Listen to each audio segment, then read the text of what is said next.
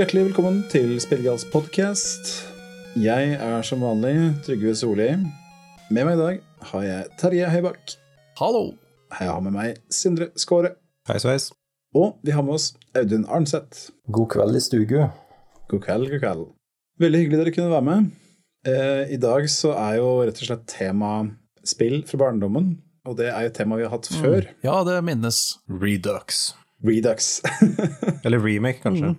Ja, det er eh, remaster, remake, eh, HD. Ja, det er remasteren, ja. Featuring Dante from the Devil May Cry series. Ja, så da da kommer vi opp i eh, at vi har snakka om 0,2% av spillene jeg har lyst til å snakke om i det temaet. Så mye? Kanskje. Ja. Så mye Dæven, det, eh, det er ikke verst, altså. Jeg tror vi kunne hatt en 100 episoders podkast på bare det. Kunne hatt en egen podkast bare om det, så klart. Ja.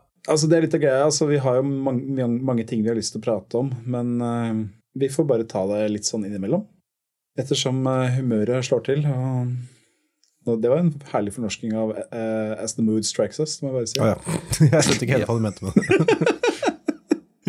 Nei, eh, det, det kom litt så spontant, så ja. Mm. Yes, da. Ja da! Men før vi kommer så langt, så skal vi ta en liten runde på hva vi har spilt i det siste. Da har jeg lyst til å gå rett til Sindre, rett og slett, for at du har spennende Ja nyheter, ser jeg. Ja, så jeg har jo omsider fått klørne i en uh, såkalt Sony PlayStation 5. Ja. Eh, så jeg har endelig joina Next Generation offisielt. Det, jeg har bare hatt den én dag, da, så jeg har ikke fått, eh, jeg har ikke fått brukt den noe særlig. Men eh, det første jeg gjorde, var selvfølgelig å fyre opp eh, både, både Siege og Deeper Galactic i eh, 4K og 120 FPS og HDR og hele pakka, og det er ganske digg, må sies. Det føles ganske, det føles ganske smooth ut. Og endelig liksom få ja, ta nytte av den TV-en jeg brukte altfor mye penger på. Så det er det som er next gen, å bare spille de samme spillene, men med mer graphics. Ja, Der har det ikke alltid vært det, egentlig. Jo. Jo, det har jo. Nei, Ikke men sant? sånn ellers, da. eh, Den, eh, den eh, PlayStation-versjonen jeg fikk, inkluderte jo God of War Ragnarok som en sånn pakkedeal. Så da tenkte jeg at da må jeg gi meg løs på det. Eh, Vi har jo pratet om det tidligere, og jeg har jo vært, eh, har vært ganske interessert i det. Men jeg tenkte alltid at det er noe jeg vil spare til jeg faktisk får korrekt maskinvare. For jeg var ikke så, var ikke så veldig keen på å spille det på PlayStation 4. Jeg fant jo veldig fort ut da jeg begynte å spille God of War Ragnarok, at eh, ok, det er, en, det, er en, det er en historie her da som jeg ikke har fått med meg, for jeg har ikke spilt den første i det hele tatt. Så de bare med en gang hopper inn i medias rest, og det første som skjer, er bare sånn er at jeg tar rundt til skauen med han kiden til Kratos. eh, og med en gang så blir vi angrepet av Freya, som er dritsur på oss og vil drepe oss, og, og så videre. Så tenkte jeg, ok, ok, men jeg kan, skjønne, jeg kan liksom gjette meg litt fram til hva som skjedde forrige spill, men så blir det bare flere og flere karakterer og flere og flere liksom, folk som prater om det vi gjorde sist år, husker du den gangen i skogen? Og. Jeg tenkte ok, fuck it, da må jeg gå tilbake til den første år, da.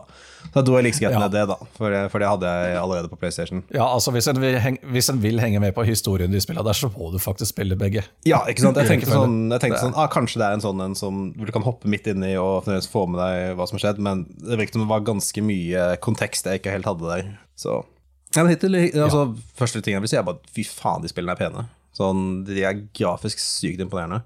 Mm. jeg er ikke sånn helt solgt på si, dramaturgien og skuespillet og historien helt ennå, men jeg er jo ganske, er ganske nerd for norrøn eh, mytologi. Har egentlig alltid vært siden barndommen. Uh, så jeg er jo litt spent på å se liksom ja, spent på å se liksom hvordan, hvilke, hvilke sånn referanser og cameo som dukker opp. Fordi det var jo en stor del av det som gjorde Hades veldig gøy. Var jo å Altså Jeg likte jo også gresk mytologi, så liksom å se sånn her Å, skal de faktisk gjøre Orfeus Orpheus og Eridike, og uh, Der er faktisk det så og så ja, Referanse til han som fikk en skilpadde i skallen og døde, og så videre. Så mye sånne ting jeg gleder jeg meg litt til, da. ja, det er veldig kult. Det er jo ikke til å stikke under en stol at når det gjelder å følge norrøne mytologien nøyaktig, så vel De har tydeligvis lest uh, mye av den mytologien som de baserer seg på, og så eh, Nei, fuck det, vi gjør noe annet. Ja. Ja. Ja, jeg vil i hvert fall hittil vil jeg bare gi den litt, uh, litt poeng for at den har ikke gått helt Marvel, men uh, jeg spilte nok Ragnarok til å møte Thor og Odin. Eh, Jævlig bra tolkning av Thor, syns jeg. Digger han. Yes, faktisk. Odin følte jeg meg ikke helt sånn på. Uh, han føltes som en sånn Guy Ritchie-karakter som føles veldig sånn snålt for, for uh, Odin av alle folka. Nei, altså, Jeg må jo tilstå det at jeg har jo nevnt det før, men jeg har spilt eh, God of War det som kom for et par år siden, i en del timer. Men jeg har ennå ikke Det er ikke noe mer grep på historien enn da spillet starter, liksom. Så, Nei. og det er Ja. Nei. Gidder ikke ta den praten en gang til. Jeg har sagt hva jeg mener om det spillet. Ja, det jeg syns var litt gøy med det, for så vidt, var hvor Altså, alt jeg har hørt om det, er jo at det er veldig eh, hva skal jeg si, Det er en veldig voksen historie da, med Kratos og alt det der, og, og så videre. Jeg tenkte at å, det skal være ganske historietungt og cinematisk, litt sånn uh, litt sånn Last of Us-aktig. Men så tar det jo med en gang bare stuper hodestups inn i å bare Nå skal jeg være et videospill. første, første ting du gjør, er en sånn Ja. dramatisk scene hvor du lærer at det er så slak- slakte et dyr og eh, verdien av liv og død og alt det der. Og så med en gang så løper det opp en stor jævla skattkiste som du buster opp og plukker opp crafting-materialer i. Så- Ja. Og alt er markert med sånn der ikon sånn der, det, er no, det er en vennlig kar som har gått rundt og malt alle liksom climbable edges og sånne ting med runer og så videre, så du vet hvor det kan gå og sånt. Så, Det er veldig praktisk. ja. så det er litt sånn komisk sånn juxtaposition, da. Uh, men det er sånn Det, det tåler jeg helt fint. Det er bare Jeg bare forventet ikke at det skulle være så videospillete når jeg hoppet inn det. Er liksom sånn, det føles litt sånn schizofrent. Altså, de gamle God of War-spillene var veldig sånn super-videospill-messig. Ja, ja, det- Veldig sånn Der var jo historien i annen rekke. Ja. ja. Altså, jeg syns ikke det var sånn veldig bra action der heller, men uh... Nei, vi har vel hatt noen samtaler Nei, om det før. Ja, jeg er ikke sånn helt solgt på slåssinga heller, for å være helt ærlig. Nei. Men uh, ja, kanskje jeg, jeg venner meg til det, forhåpentligvis. Jeg kan, kommer til å rapportere inn uh, neste uke, eller neste episode i hvert fall. Og så Ja, altså, eh, Ja, med mer enn én times inntrykk. Så altså Jeg liker det at slåssinga i de nye, nyere spillene er mye mer tyngre, og ikke, ikke så akrobatiske som det var i den originale trilogien. ja, ja. Men uh, Det er litt gøy at du fremdeles jugler folk, da. Det syns jeg er ganske Ja. komisk. ja, ja. eh, Jeg liker en god air combo, da, så jeg skal ikke klage. Altså, det, det er ikke dårlig laga, men det er bare at det er ikke Ja. Det er ikke, Prøver å gjøre to veldig eh, forskjellige ting på en gang. Så. ja, det er ikke min kopp te. Så skal vi hoppe videre til Terje, mon tro? ja du har spilt for noe kos? vi kan godt det. Altså, eh, for noen uker siden så hadde Humble Bundle en eh, Boomer Shooter Bundle som jeg plukka opp. Hell yeah. yeah. Er du interessert i det, ja? Nei, nei. Hva kan, hva kan jeg gitt av den ideen? Nei, eh, faen. Så jeg starta på et av de her tidligere i uka, altså det som heter The Citadel. Som Ja. kom ut i 2020. Og ja, det Ja, er fordi Når vi sier boomer shooter, så er det på en måte den der revivalen, ikke sant? Og Ja, det er- Ikke, ikke nødvendigvis originale boomer shooters, men mer sånn nye spill som er laget med de sensibilitetene. Stemmer. Det er førstepersonsskyter, men det ser ut som å føles som et 90-talls uh, førstepersonsskytespill. Og det, det, ja, det er det det her er. Men Det er, det er én person, en eh, japaner, som har laga det. En kar som kaller seg Doe Kuramori. Ok. Og ikke, ikke spør meg hva det betyr. Sikkert noe veldig fint. Ja, ikke sant. Så øh, du har øh, den 90-talls øh, pikselerte teksturen og sånt på vegger og sånt nå, mens alt av fiender og, og gjenstander og slike ting er bare 2D sprites. Men de er veldig høydefinerte, high def og fine japanske, japanske grafikk, da. Sånn anime-stil. Som er Men, øh, litt sånn skjærings... Men med en vri, kan man si. Ja, ikke sant? Så øh, det har en sånn slags historie da, som hvem, bryr seg? Det er noen framtidsgreier, det har vært noe galskap og noen mektige vesener. Så, det, ja, det er seks akter du skal gjennom det dette her citadellet og skyte dem av grunner. For hvorfor Ja. ikke? Og det, det er som, på mange måter som å spille Doom. Du, du skal løpe gjennom disse gangene og skyte ting, og det er farga nøkler som åpner farga dører. Det er, eh, det er kjent. Mm. Det er en hel drøss med våpen å finne og velge mellom. Ganske mange, og de er oppgraderbare.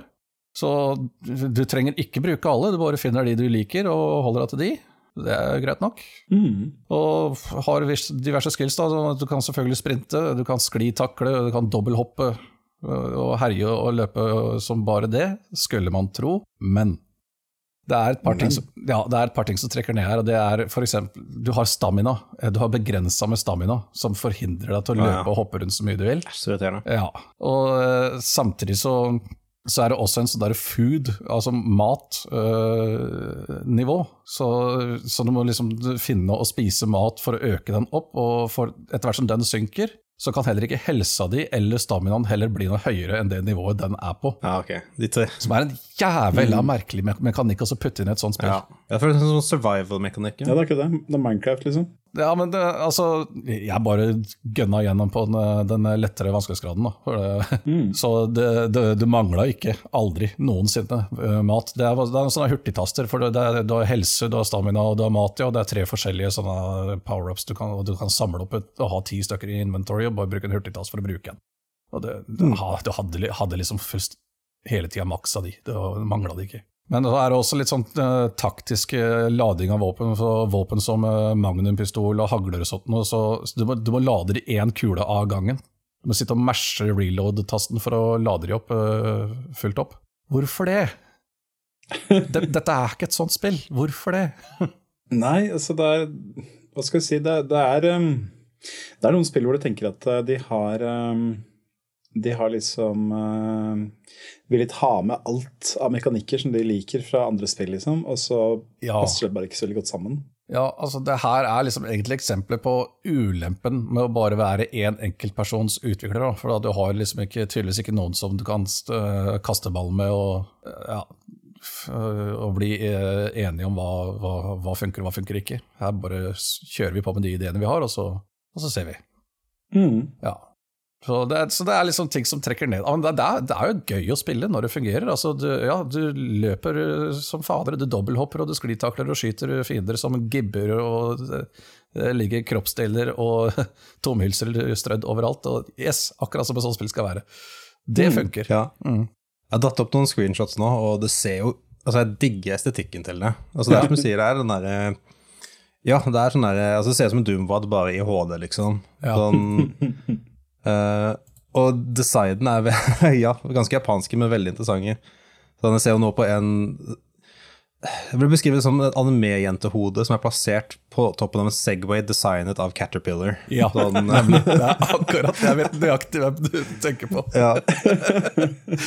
det er, Herlig greier. Yes, det er veldig japansk. Men ja, det, han er japansk, han som har laga det. Så, mm. så, så, klart han bruker japansk estetikk. Hvorfor ikke? Ja, mm. ja men det, også, det, det blei faktisk en kontrovers ut av dette her, og leste jeg okay. etterpå. Ja da, ja. for uh, det er jo folk som har hengt seg opp i Det er denne her anime-stilarten, men selvfølgelig, alle fiender og sånt, og de, de gibber veldig Altså splatter kroppsdeler og sånt og, og utover. Så han, han blei anklaga for at dette her var et gore-fetisjisme-spill. Det jeg skjønner hvor anklagen kommer fra, basert på noen av screenshotene. Hvis du ikke er gammel nok til å ha spilt de gamle, originale. FPS-spillene, så kan jeg kanskje skjønne det, men altså, det var sånn de spillene var.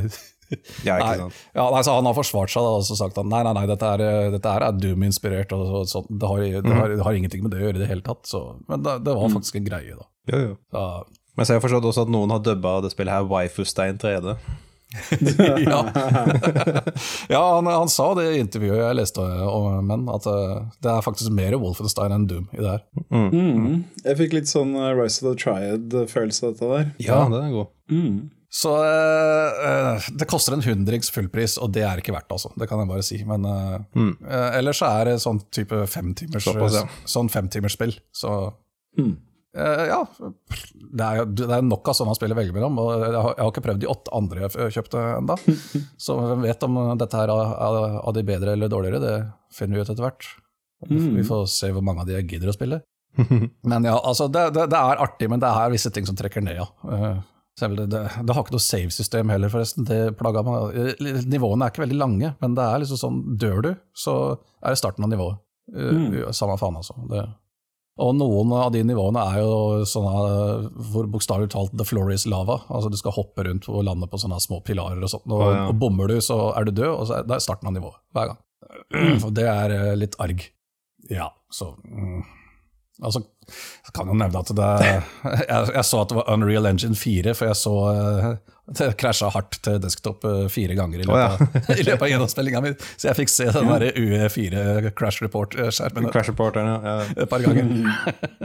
ja. Det er ganske funny, det. Minnes jo, minnes jo også om um, uh, Bloodborne PSX, som er en sånn PlayStation 1 demake av Bloodborne. Ja. Det er også laget i Unreal 4, og det føles bare helt sånn sært å spille det med sånn derre ja, I windowed mode så får du Unreal 4-logoen og den der glossy ramma rundt det. Så bare det stilclasher helt, liksom. Mm. Nei, men altså ja, nei, det, var, det, var, artig å ha løpt gjennom da, det spillet her. Yeah. Det var det. Og jeg kommer nok aldri, aldri noensinne til å gjøre det igjen. Ja. Mm. Kryssa lista.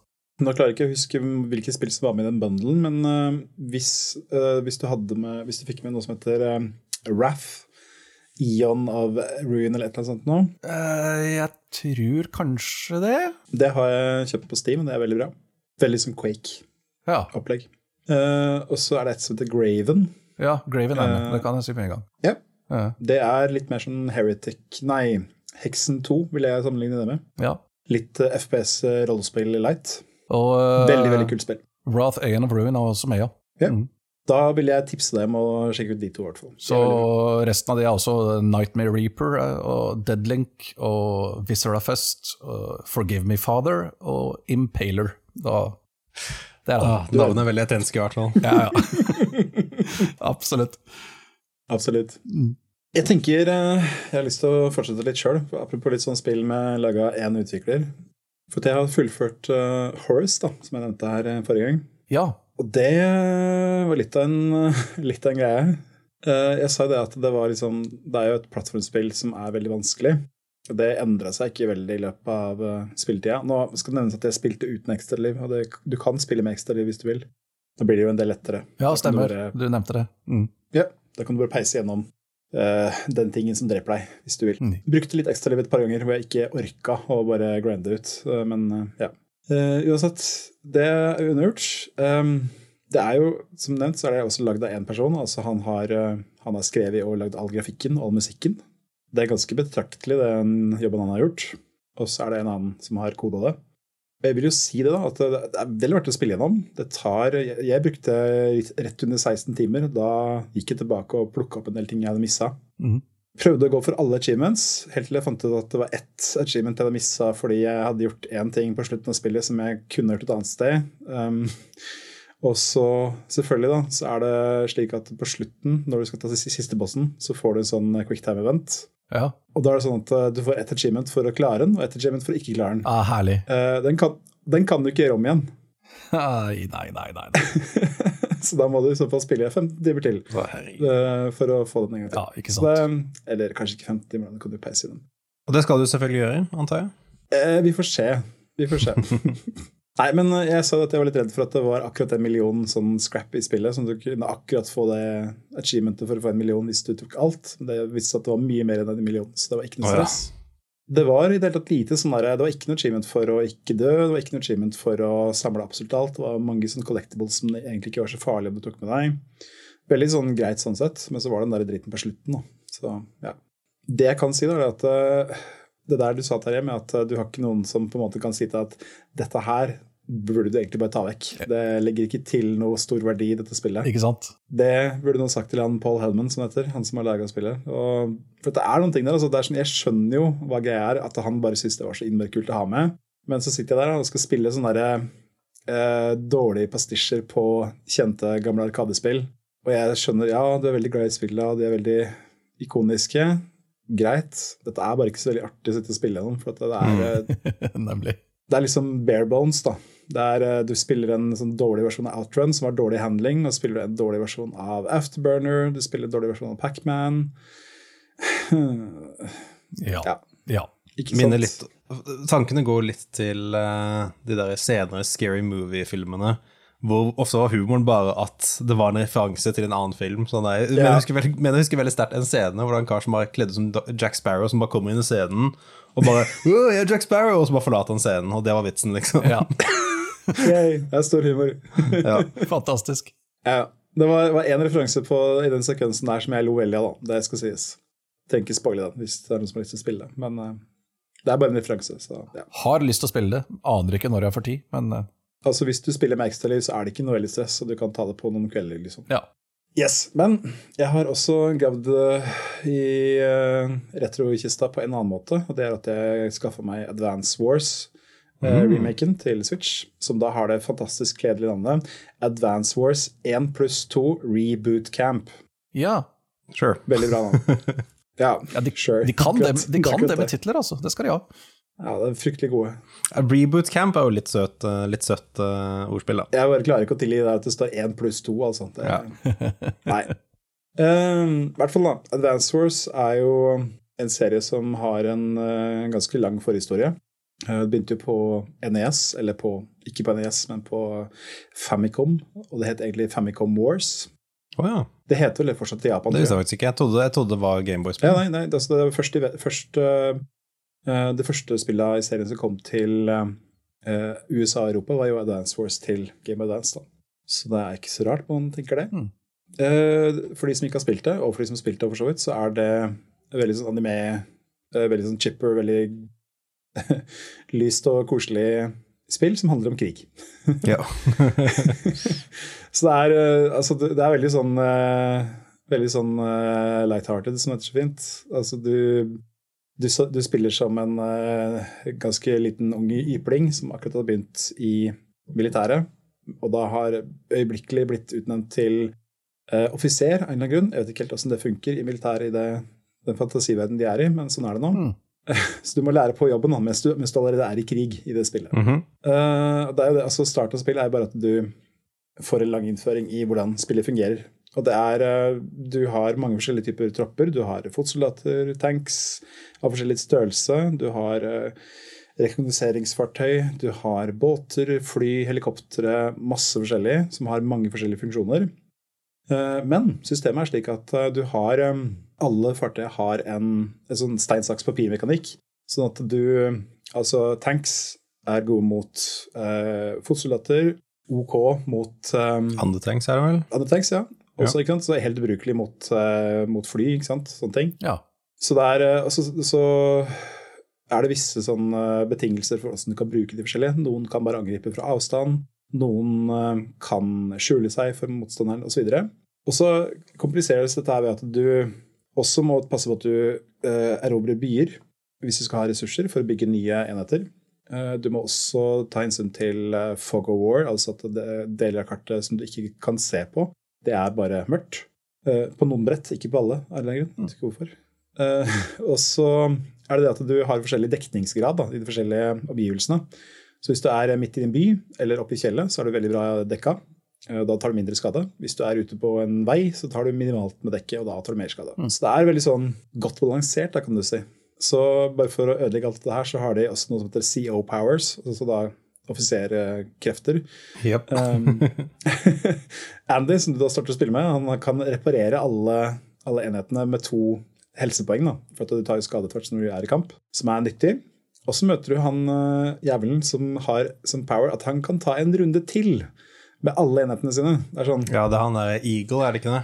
eh, Ja, det er riktig. Ja, Ja. Han spilte jeg hele tiden, fordi han var så jævla overpowered. Ja, det er helt sinnssykt. Er, eh, og han har jævlig god fly òg, så det er sånn, ja. Eh, Det føles litt sånn skeivt balansert da, det må jeg ærlig innrømme. Men eh, det det, det som er noe av det kule med spillet, er at du har sånne helt bisarre forutsetninger, og så må du klare å se at ja, men hvis jeg gjør sånn, så kan jeg komme forbi akkurat den hindringa her. Og det er liksom det er liksom moroa med spillet, da. Skal ikke late som at det er noen sånn supertaktikker, men eh, det er veldig artig å prøve seg. Og det, er, det er ikke så lange brett heller, så du kan liksom ta gjerne en runde til hvis du mislykkes. Det er ikke så farlig. Ja. Ja, men så, så, så det som er eh, Du må finne den ene strategien som de har tenkt ut på forhånd, og følge den. Du må Nei. ikke. Du kan prøve mange forskjellige. Altså det er, eh, altså, Favorittstrategien min var, og favorittstrategien min når jeg spilte det, var jo å bare spamme anti-aircraft guns, fordi jeg er bra mot fly og artilleri, og så får jeg bare Oh, yes. med tanks når de kommer og moser meg. Ja, akkurat. Ja, ja. Ja, ja. Altså, hvis, hvis du på en måte vil kjøre utmattelseskrig, så kan du det. Uh, hvis du vil spille med en CEO som har uh, så spesialitet at du kan eh, overta byer veldig fort, f.eks., Mm. uh, bruke det som en fordel, så kan du gjøre det. det hun er veldig kul å spille med. Det, det, hun liker jeg. Det er, eh, da har du Fotsoldatene kan gå lenger, og så tar de, bruker de kortere tid på å erobre byene. Og så, så du kan liksom bare ta en landgrab før den andre spilleren kommer i gang, egentlig. Det er, det er et veldig bra asymmetrisk strategispill, syns jeg. Sånn, Det er det. Alle, er, alle Ja, okay. de off offiserene er veldig, har veldig dis, uh, distinkte uh, fordeler og ulemper. Um, Men det tar gjerne å balansere seg ut, sånn, selv om noen føler selvfølgelig mye kjipere ut. da. Eh, så er det alltid en har de alltid en veldig stor svakhet da, som du kan utnytte på en eller annen måte. Så han Eagle, for eksempel, som tar en ekstra runde og har stegefly, han har alt annet, han, alt annet suger hos han, så hvis det er en landkrig, så sliter han, liksom. Yes. Akkurat. Altså, det, det, jeg syns det er bra. Og det er det mange andre som gjør òg. Ellers hadde jeg ikke giddet å remake det. en, en fin ting er det at altså, det koster jo forholdsvis mye. Det koster jo 600 spenn på eShop. Det koster vel enda mer i butikk, tror jeg. Å, såpass, ja. Men du, du får med det skal du ha, du får med to spill. Du får med Dance Wars 1 og 2, som tittelen antyder. Og det er jo øh, fortsatt solide spill. Altså, jeg vil vel si at jeg har kost meg enda mer med Dance Wars DS. Eller Dual Strike, heter det vel da. Mm. Eh, og så kjøpte jeg også Advance Wars Days of Ruin, som det heter så fint. Som da er DS-oppfølgeren til uh, Ja. Strike. Det var det som var litt mer voksent, var det ikke det? altså, de tok, eh, de tok den fine anime-estetikken og så bare kjørte de den rett i dass. Da var, liksom, da var det grimdark og postapokalypse og bare surving og drit, liksom. Så det måtte Ja, jeg husker jeg falt helt av der, altså. Altså, det, det var bare ikke like artig å spille når det ikke var sånn eh, chipper og koselig. Det er, eh, for det er noe med det. altså, det er, Du ser tanksen står og danser, liksom. Det er eh, det, det liker jeg. Kan jeg også nevne litt med, spesifikt med remaken, at de har, har selvfølgelig oppdatert grafikken. da. Det var jo veldig fine sprites i Game of Advance-versjonene. Eh, nå er det litt mindre fine 3D-modeller. Altså, Jeg har sett at det er mange som klager over at de har tatt vekk skjermen fra originalen, men jeg syns ikke det var så ille. Det var uh, likt nok. Og så var det liksom samme fine fargen og samme kule musikken, bare i remixa versjon. Um, og så er det en liten Ja, fordi musikken i det spillet var så konge. Oh yes. Ja, Det pusha lydchipen i Gameboyen til grensen, altså, fy faen. Ja, virkelig.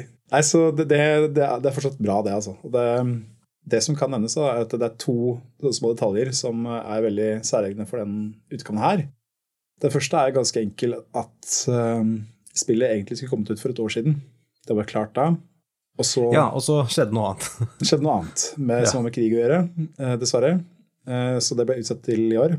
Eh, Det merker du først og fremst ved at på verdenskartet i spillet så er det en liten øy som bare har én funksjon, og den funksjonen er at det skal stå et ukrainsk flagg der. Oh, ja. Så det er en sånn liten sånn touch. ja. Sure. uh, og så det andre som jeg liker veldig godt, er det at eh, altså jeg har alltid tenkt på Dance Wars som altså Det er jo et, det er et Sjøl i spillets kontekst så er det en lek. Og det har de tydeliggjort i remaken. At uh, det foregår i en så liten sånn der treeske. Så alle, hele verden du spiller på, er lagt oppi en sånn liten sånn spilleske. Så du kan zoome, Ah, ja. så ser du at den står på et bord og greier. Det er veldig kult. Det er litt søtt. Det er det. det legger til mye, syns jeg. Mm. Nei, altså det er veldig ålreit. Det er, det er ing, selvfølgelig ingenting nytt. Det er akkurat det samme som i gamle dager, bortsett fra at du kan spille på nett. Det kunne du jo selvfølgelig ikke på Gameboy Advance. Ja, jeg prøvde noen multiplayer-greier på, på Gameboy. Det var- funka så som så med linkkabel. Ja, ja, ikke sant. Men ja. Det som skal sies, da, er at online multiplayer Jeg, jeg gleder meg litt, da. Å kunne spille mot andre. Nei, du kan kun spille mot folk på vennelista di. De må ha spillet. Ja, kult. Ah, Du kunne gjort en sånn der Words with Friends-greie, hvor det er sånn type sånn eh, Det er bare konstante spill i bakgrunnen. Uh, litt som å spille sånn sjakk online og alt det. Hvor man sånn, Ja, Det er liksom sånn det uendelige turti, eh, turtider, liksom. Uh, man bare sender det videre til hverandre. det, det hadde vært kult. Det er, det er mange muligheter, og det har de ikke gjort noe med. Det er typisk Nintendo, selvfølgelig, men Jeg skulle si Nintendo og online-spill er, Ja. er olje og vann. ja. Legendarisk flinke på akkurat det. ja, ja, Ja. De er, de er de beste til å være verst på, inter på internett. Ingen slår om der, altså. Altså, jeg vet ikke helt hva jeg skal si. Altså, det, er, eh, det er jo et bra spill fortsatt, men det er jo fordi at eh, originalene var bra. Det legger ikke til så veldig mye, men hvis du ikke har spilt de før, så prøv det ut, I guess. Hvis du har 600 kroner som Jeg brenner begynner å forstå på at uh, ja, det jeg har spilt en annen ting jeg har spilt i sted, er jo Jeg fortsetter jo å plugge av sted på Castlevania til Game Boy Advance. Ja. Og når jeg er sånn jeg tror, Ifølge startskjermen så er jeg 60% gjennom det nå. Eh, Jeg tok nettopp og drepte Zombie Dragons, så Ja, ja, jeg tenker når jeg, når jeg clearer det spillet, så blir det nok kanskje Advance Wars neste. Nå som du har puttet den eh, Ja, puttet det frøet i, i hjernen min. ja, det er ikke det verste du kan spille det, akkurat. Mm -mm. Nei, men eh, det var vel nok om Advance Wars, tenker jeg. Ja. Og sist, men ikke minst Sist, men ikke minst, så har vi vår kjære Audun. Hva har du brukt tida på i det siste? Nei, jeg har spilt uh, Final Fantasy 7, da. Ja. Å, Det er jo et spill jeg er veldig glad i, som jeg snakka en del om forrige gang jeg var med på podkasten her. ja. De som har fulgt med en stund, de husker den episoden. Men det jeg ikke snakka noe særlig om eh, forrige gang, var at jeg liker å gjøre såkalte challenges. Ja. Hvor jeg da spiller med forskjellige begrensninger i spillet. da. For F.eks. at jeg spiller med spiller gjennom på lavest mulig level, ikke bruker materie, ikke bruker items eller noe sånt. Så det jeg gjør denne gangen, da, er at jeg kjører en såkalt solokarakter. Oi. Som vil si at jeg bare kan bruke én karakter per kamp, i motsetning til de tre du vanligvis har tilgjengelig. Da. Ja. Så da må jeg liksom Da må du tenke strategi på en helt annen måte enn det du pleier. Det kan. Du kan liksom ikke ha de andre til å hjelpe deg hvis du f.eks.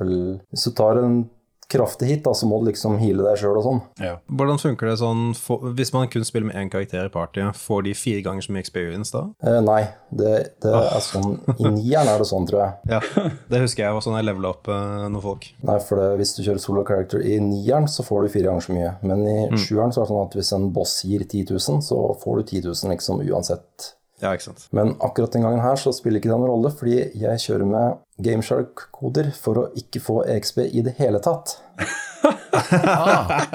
Så det vil si at uh, karakteren min er fra level 1 til 7 gjennom hele spillet. Herregud, det er hardcore. Det er hardcore. Ja, det er, det er moro å følge med på det du, at du gjør det her, for du driver jo og legger det ut på YouTube-kanalen din, Yes. de forskjellige kampene. Mhm. Ja, det er moro å se hvordan du løser det, altså. Det skal du ha. Ja, du må tenke veldig nytt og sånn. Og... Så nå har jeg kommet helt på slutten av disk 2, og man skulle jo kanskje tro at det blir vanskeligere og vanskeligere etter hvert som du kommer lenger i spillet og bossene blir eh, sterkere og sånn, men eh, så får du jo også tilgang til mye mer utstyr etter hvert på disk 2 og sånn, så du kan liksom booste statsa dine mye mer og sånn, sånn at du kan fortsatt gjøre sånn 5000 skade og sånn, selv om det er på level 3 Såpass, ja. eller 7. Ja, okay. Ja, for det er vel kanskje ikke så mye level scaling egentlig i de spillene jeg tenker meg om. Jeg føler at mye av det kanskje gikk ut, mer ut på utstyret ditt uh, enn noe annet. Ja, leveren påvirker jo litt, men uh, Helsa kanskje mest. Ja, det er det med helsa, men det påvirker jo statsa litt òg. Men uh, du har mye utstyr som booster statsa dine, som du f.eks. ikke står i menyen. da. Så har du sånn f.eks. en armor som gir deg pluss 20 magi. Som Det står ikke i menyen at den gjør det, men det gjør det, liksom. Å ja. det. Og sånn er det med våpnene nå. F.eks. noen av de beste våpnene har du liksom pluss 50 på magi og sånt, så da kan du bruke en del sånne ja, de kraftigste magigreiene, som f.eks. Comet og Ultima og sånn. Så da kan du få sånn 5000-6000 i skade. Huh. Så det er veldig gøy. Så dette er på en måte en utfordring for de som på en måte kan hele spillet absolutt ut og inn, vil jeg virker det som, da. Ja, du må jo kunne spillet veldig tydelig, og du må jo liksom vite absolutt alt bossene gjør og kan gjøre, sånn at du er forberedt på hva de kaster mot deg og sånn, da. Stemmer. Du bruker en del tid på planlegging òg, sikkert? Ja, det er veldig mye planlegging. Og så har jeg måttet grinda en del, level opp materia og sånn, som jeg måtte ha brukt en del timer på. Sånn. Men jeg spiller jo på emulator, så jeg kan jo bruke sånn fast forward-button og sånn. Ja, Så det kan jeg tenke meg digg. Ja, det hjelper vel litt, ja. det hjelper veldig mye. Ja. Har, du, har du prøvd noen av de nye nyutgivelsene av Final Fantasy 7? Altså tenker ikke på Final Fantasy 7 Remake, men tenker på at du får kjøpt Final Fantasy 7 til PC og konsoller med litt sånn uh, nymotens uh, Buker, får du ikke det? Eh, jo, jeg har jo spilt eh, PS4-versjonen. Yeah. Den kommer for en sånn fire-fem år siden, tror jeg. Yeah. Og den har vel sånne greier du kan bruke, f.eks. fast forward og ja, Nei, jeg husker ikke så veldig, men mm. det hadde du i hvert fall i nier nå, husker jeg. Har litt sånne quality of life-ting fra å spille med emulator, bare bakt inn i det. ja. Ja, ja. ja nei, det jeg lurte på, for at om du merka om det var noen andre store forskjeller, om det bare var liksom de der eh, småtteria, quality of life-tinga som er lagt til. Nei, de har jo fiksa noen glitcher og sånn, da. For eksempel i originale Final Fantasy 7 så er det sånn at Armor og sånn har jo en magic defense stat, men uh, den er bugga, sånn at hvis en Armor har 100 da, i magic defense, så får du ikke de 100, liksom. Oh. Men det har de fiksa i de nyere versjonene, f.eks. på PC og PS4. Ja. Akkurat. Og så en del andre småting har de jo pussa opp, som f.eks. noen av oversettelsene og sånn, sånn som This Guy Are Sick. Det har de jo fjerna, selvfølgelig. Nei, det er det verste. Ja, det, så, nei, det skal du jo bare la være. det må man patche inn igjen. Ja. De kan det, ikke ta bort sånn. skulle de selvfølgelig ikke ha fjerna. Det er jo en del av sjarmen. En ting jeg lurer litt på, er jo sånn um, eh, Tankene går med en gang til litt sånn speedruns og sånt. Det er jo en community hvor man gjerne deler mye sånn strategi og sånt, da, og glitches og så videre. Eh, hvor det er sånn eh, samarbeid, eh, ja, samarbeid for å løse på en måte spill. Ja. Er det noe lignende greie med sånne challenges som du driver med? Eller er dette noe du har funnet på helt selv? Nei, det har jo vært et litt sånn community, både på Gamefax og YouTube, og nå senere på Discord, hvor det er flere folk som gjør slike utfordringer og sånn. Og på, hvis du går inn på Gamefax, så I hvert fall på Fine Fantasy 10, der har du jo sånne eh, kontinuerlige tråder hvor folk poster eh, strategier og hvor langt de har Ja, ja, kommet og hvordan de gjør ting og sånn. Ja, det var litt sånn jeg lurte på. For det er sånn Jeg har jo nevnt, jeg nevnte jo i en tidligere episode han er youtuberen uh, Ymfa, som gjør mye sånne gimmick runs av, uh, av uh, Skyrim og Souls-spillene og sånt. Og han poster ofte at sånn ah, 'Jeg la den videoen her på is, men så var det noen som fant en exploit som løste problemet mitt, og nå kan jeg fullføre spillet' og sånt. Er det, er det litt sånn situasjon med sånn den der runnen du gjør nå, liksom, at du ikke helt vet liksom hvordan du skal løse visse bosser eller encounters, eller har du alt planlagt uh, for henne? Jeg har for det meste alt planlagt, liksom. Mm. Noen bosser er det sånn at jeg vet, jeg vet at det er mulig, men jeg vet liksom ikke nøyaktig hvordan jeg skal gjøre det før jeg kommer dit. Men det er veldig få utfordringer som er helt umulige, liksom. At du plutselig kommer til en boss og at nei, det her går ikke. Det er sånn, det er sånn de fleste vet på forhånd, liksom. Ja, ja. konge. Så det er sjelden du liksom går på en smell sånn sett. Mm. Dritfett prosjekt. Så jeg, ja, jeg burde sjekke det på YouTube. Her er sånn type ting som sagt jeg liker å se på. Så. Ja, ja. Vi bør jo nevne eh, YouTube-kanalen hans eh, er jo Ja. Garland the Great. Som, eh, det, bør, det burde folk ta og søke opp hvis de vil se, Mhm. Se noe av det her eh, ekstremt eh, Skal vi si nerdete Final Fantasy 7. Det er veldig nerdete, ja. 7-opplegget. Men eh, det er, det er veldig moro å se på. Det er veldig moro å spille det òg. Det er ikke bare vanskelig, liksom. Du, liksom. du får jo spilt spillet på en helt annen måte og gjøre ting du ikke trodde var mulig, liksom. Sånn som det jeg sa med at du kan fortsatt gjøre 5000 skader på level 3 og sånn. Det er jo skikkelig gøy. I level 3, ja, herregud.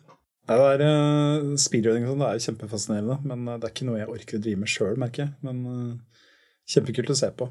Det er eh, Ja, akkurat det er som her. du nevner, Sindre, med at liksom, det virker som communityen er veldig bra og sånn nå. Mm. Så Mm. på eh, bare, det, det bare matcher ikke spillestilen min, liksom. Det er ikke, det er ikke, det er ikke den måten jeg vil spille på. Nei, Nei, ikke sant. Men, Men Men det er sykt, det er sykt Ja. å se på noen av de runsa noen folk gjør i visse ting, altså. Fytti hengende. Ja.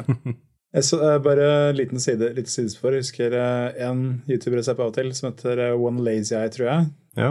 Han spesialiserer seg bl.a. på speedruns av adventure-spill, sånn, sånn uh, Sierra og den typen spill. da. Ah, Så Quest for Ah. Glory og sånne ting. Og det er liksom noen av de glitchene her sånn derre Åssen i granskauen er det noen som finner ut Ja. dette her?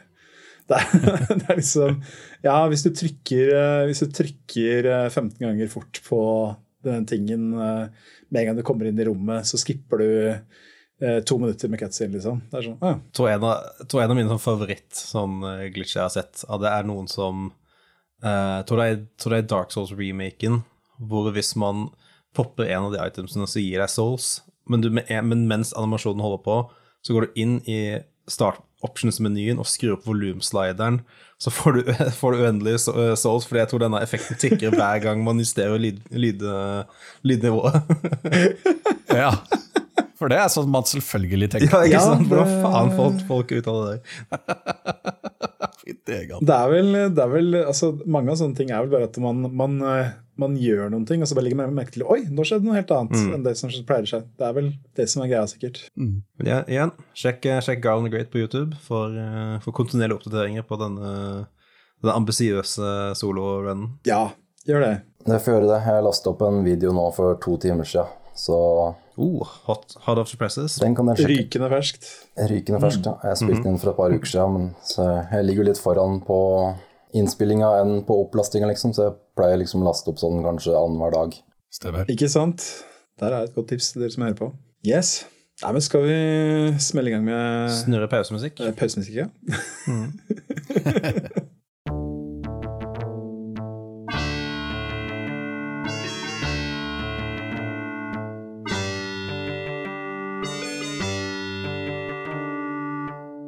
Barndommens spill, det har altså Det er jo en rød tråd gjennom hele podkasten, kan du si. Vi er jo stadig tilbake på de tingene vi spilte da vi var små. Men jeg tenkte på litt det å grave litt i det mer sånn obskure ting. Jeg pleier å nevne Selda og sånne ting, men eh, jeg har i hvert fall gått litt for eh, litt mer sånn eh, bortglemte ting denne gangen. Ja. Jeg har lyst til å Ja, jeg har egentlig lyst til å begynne med en ting jeg, som jeg ser at Audun også har med seg. Det er en liten perle som heter Digger. Yes. ja. Yes. Det er eh, det er, det er sånn derre jeg, jeg, jeg husker så godt eh, at eh, da jeg spilte det da jeg var liten, fordi at eh, det gjør For det første så ser det ganske bra ut. Det er et av ikke så veldig mange spill som kjører um, CGA-modus.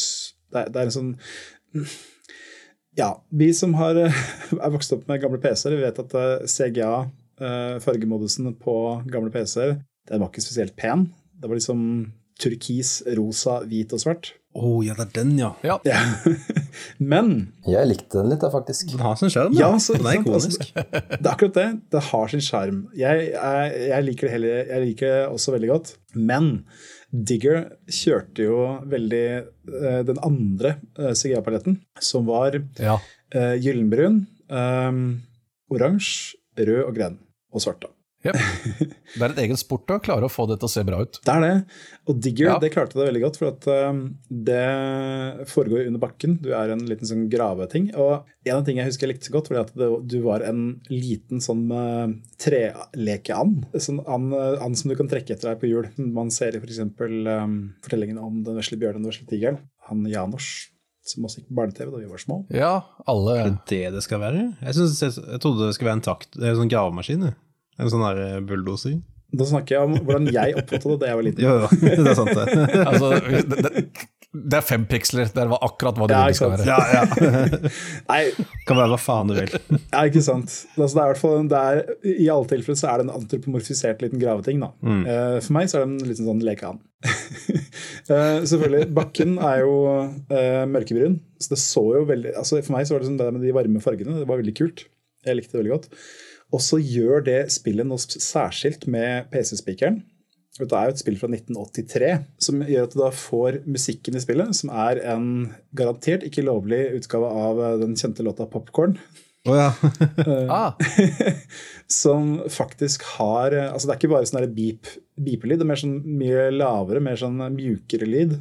Som eh, høres litt mer ut som sånn eh, veldig høyfrekvent radiostøy. Det, nå får jeg det til å høres helt forferdelig ut, men det hørtes egentlig veldig, veldig kult ut. var. Jo, jo, jo. altså, den, den sangen der var overalt, i både spill og på demoscenen og i crackthrows og Ja. over fuckings alt. Alle laga sin versjon av den sangen. Selvfølgelig, men uh, Ja. dette var da spesifikt den der litt sånn softe PC-speaker-versjonen.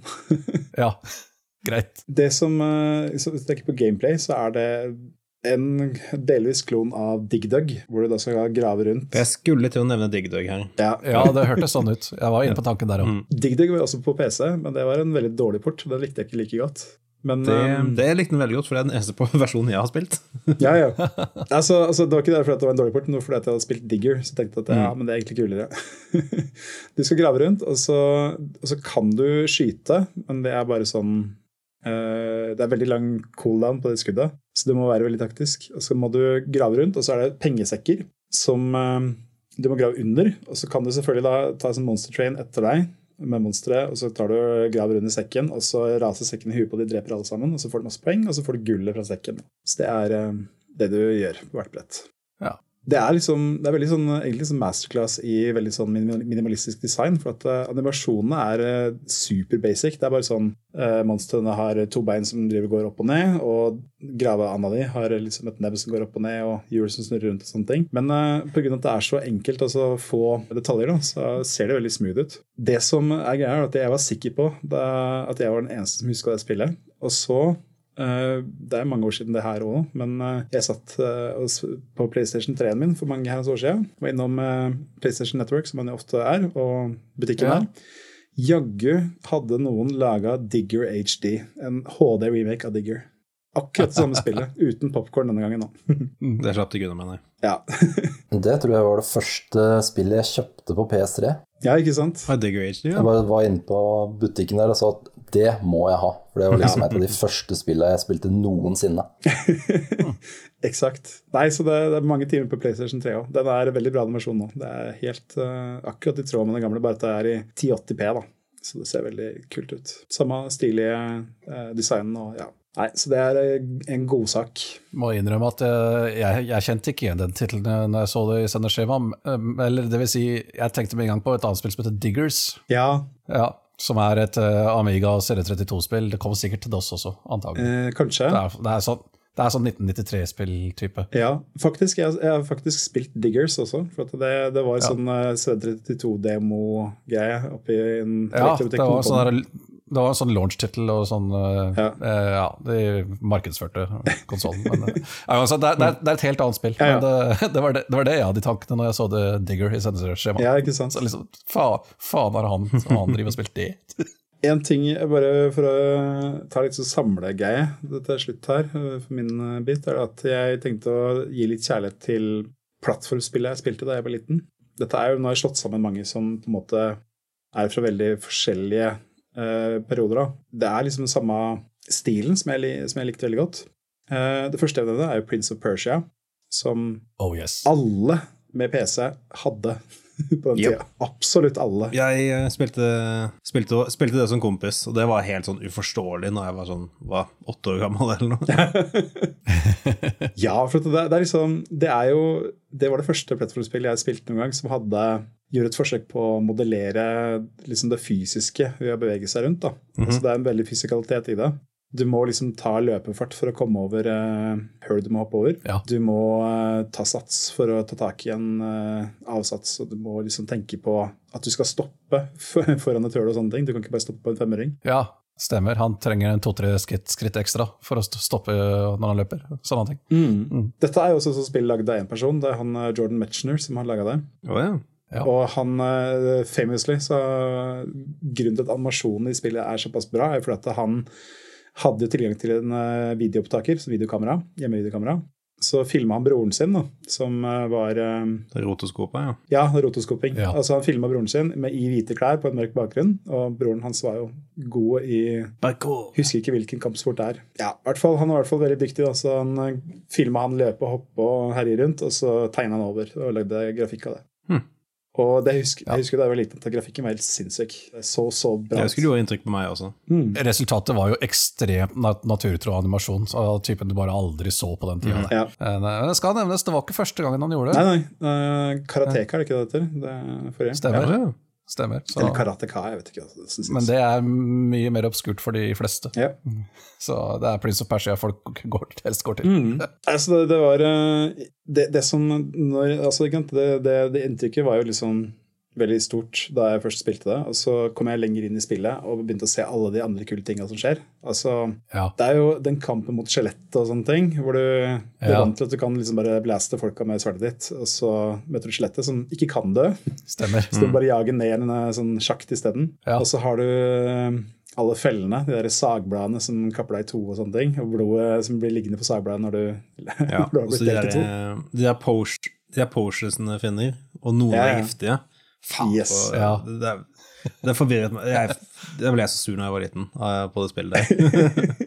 Den jævelen som flipper hele spillskjermen opp ned. Ja, Jeg tror aldri jeg kom så langt. Ja.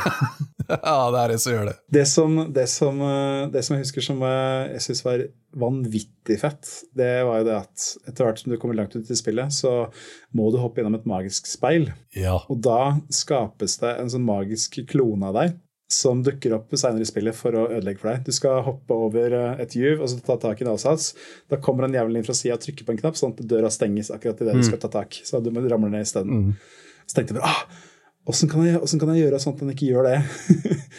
og så, Det går selvfølgelig an for det er skripta, men det, liksom, det var, føltes så kult. da, at liksom det var eh, Han også drev og løp rundt i samme korridorene som deg. Det er jo like genialt det, det oppgjøret du har med henne til slutt. da. Og altså, Finne ut hvordan du skal ta deg av han. Ja, For uh, han er jo bokstavelig talt speilbildet ditt. Yes. Så du, du fekter mot den, og hvis du slår den med sverdet og skader den, så tar du skade selv også.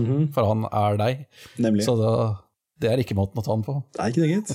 Nei. Nei, men altså, det, det spillet er eh, Det er legendarisk, skulle jeg si. Fikk jo ikke en Jo, det fikk en remake eh, på PlayStation 3, det også. Eh, som bare var en eh, HD-remake av spillet. Ja. Som også var veldig kul. Brukte du den faktiske videoen av eh, broren hans nå, da? Nei, nå var det 3D-grafikk i en 2D-verden, så Ja, ja. litt cop-out. Det kom jo ut på så godt som alle plattformer. Det, her, da. det var jo ikke bare PC. Nei da, det gjorde det ikke. Og så, så er jo, Prince of Persia er jo en serie som fikk en liten revival på starten av 2000-tallet. Eh, Ja. Med nye Ja. spill til uh, Det var en sånn 3D Prince of Persia jeg husker jeg spilte hos en kompis. Det var helt sånn mind-blowing, husker jeg. Ja, men de klarte liksom å gjøre det igjen. da, At de tok, eh, lagde en sånn helt unik opplevelse med Sands of Time, husker jeg. Hvor du kunne spole tida tilbake så lenge du hadde Ja. sånn magisk sand i kniven din. Ja, Sands of Time er jo legendarisk. Introduserte veldig mye sånne akrobatiske parkour-moves også i plattformspill. Ja, veggløping og sånt. Ja, sånne ting, ja. Nemlig. Og det er liksom sånne ting som man ser i mange spill nå. Så ja. Men uh, det var ikke de første oppfølgerne. Det var en Prince of Persia 2 i gamle dager også. det var det. Den er jo egentlig også veldig bra, men jeg liker den ikke på langt nær like godt som den første. Rett og slett fordi at eh, det gjorde så Ikke heller. ikke heller. Jeg husker jeg spilte en sånn Før Sense of Time så var det også en sånn 3D Prince of Persia. Eh, ja, den snakker vi ikke om. Prince of Persia 3D. Det er helt Ja, jeg husker jeg syntes den var dritfet, da jeg var men det tror jeg kanskje var fordi når du svingte rundt sverdet ditt, så hadde den sånn der eh, trail render bak seg. Og det var sånn, wow, det var det kuleste jeg hadde sett i livet, livet mitt. Men Det er vel eh, også det eneste som er kult med det spillet. Så det, kan ikke huske at jeg slo det. Jeg kan ikke huske at jeg kom særlig langt i spillet, det er sikkert en grunn til det. jeg har spilt det en del, og det er bare ikke bra. Altså. Det må jeg bare si. Grunnen til at jeg nevner Prince of Persia først, her, er fordi at jeg har eh, satt opp et par andre sånn plattformting jeg gjerne vil trekke fram. Før Prince of Persia for meg så kom et spill som heter Thexder. T-H-E-X-D-E-R. Unnskyld meg? T-H-E-X-D-E-R.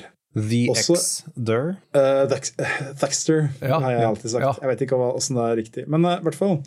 Uh, det starter eh, det- som um, Jeg snak, nevnte atmosfæren i Prince of Persia. Og Texter starter med at du ser en sånn alien-planet-overflate. eh, mens du hører Måneskinnssonaten spille.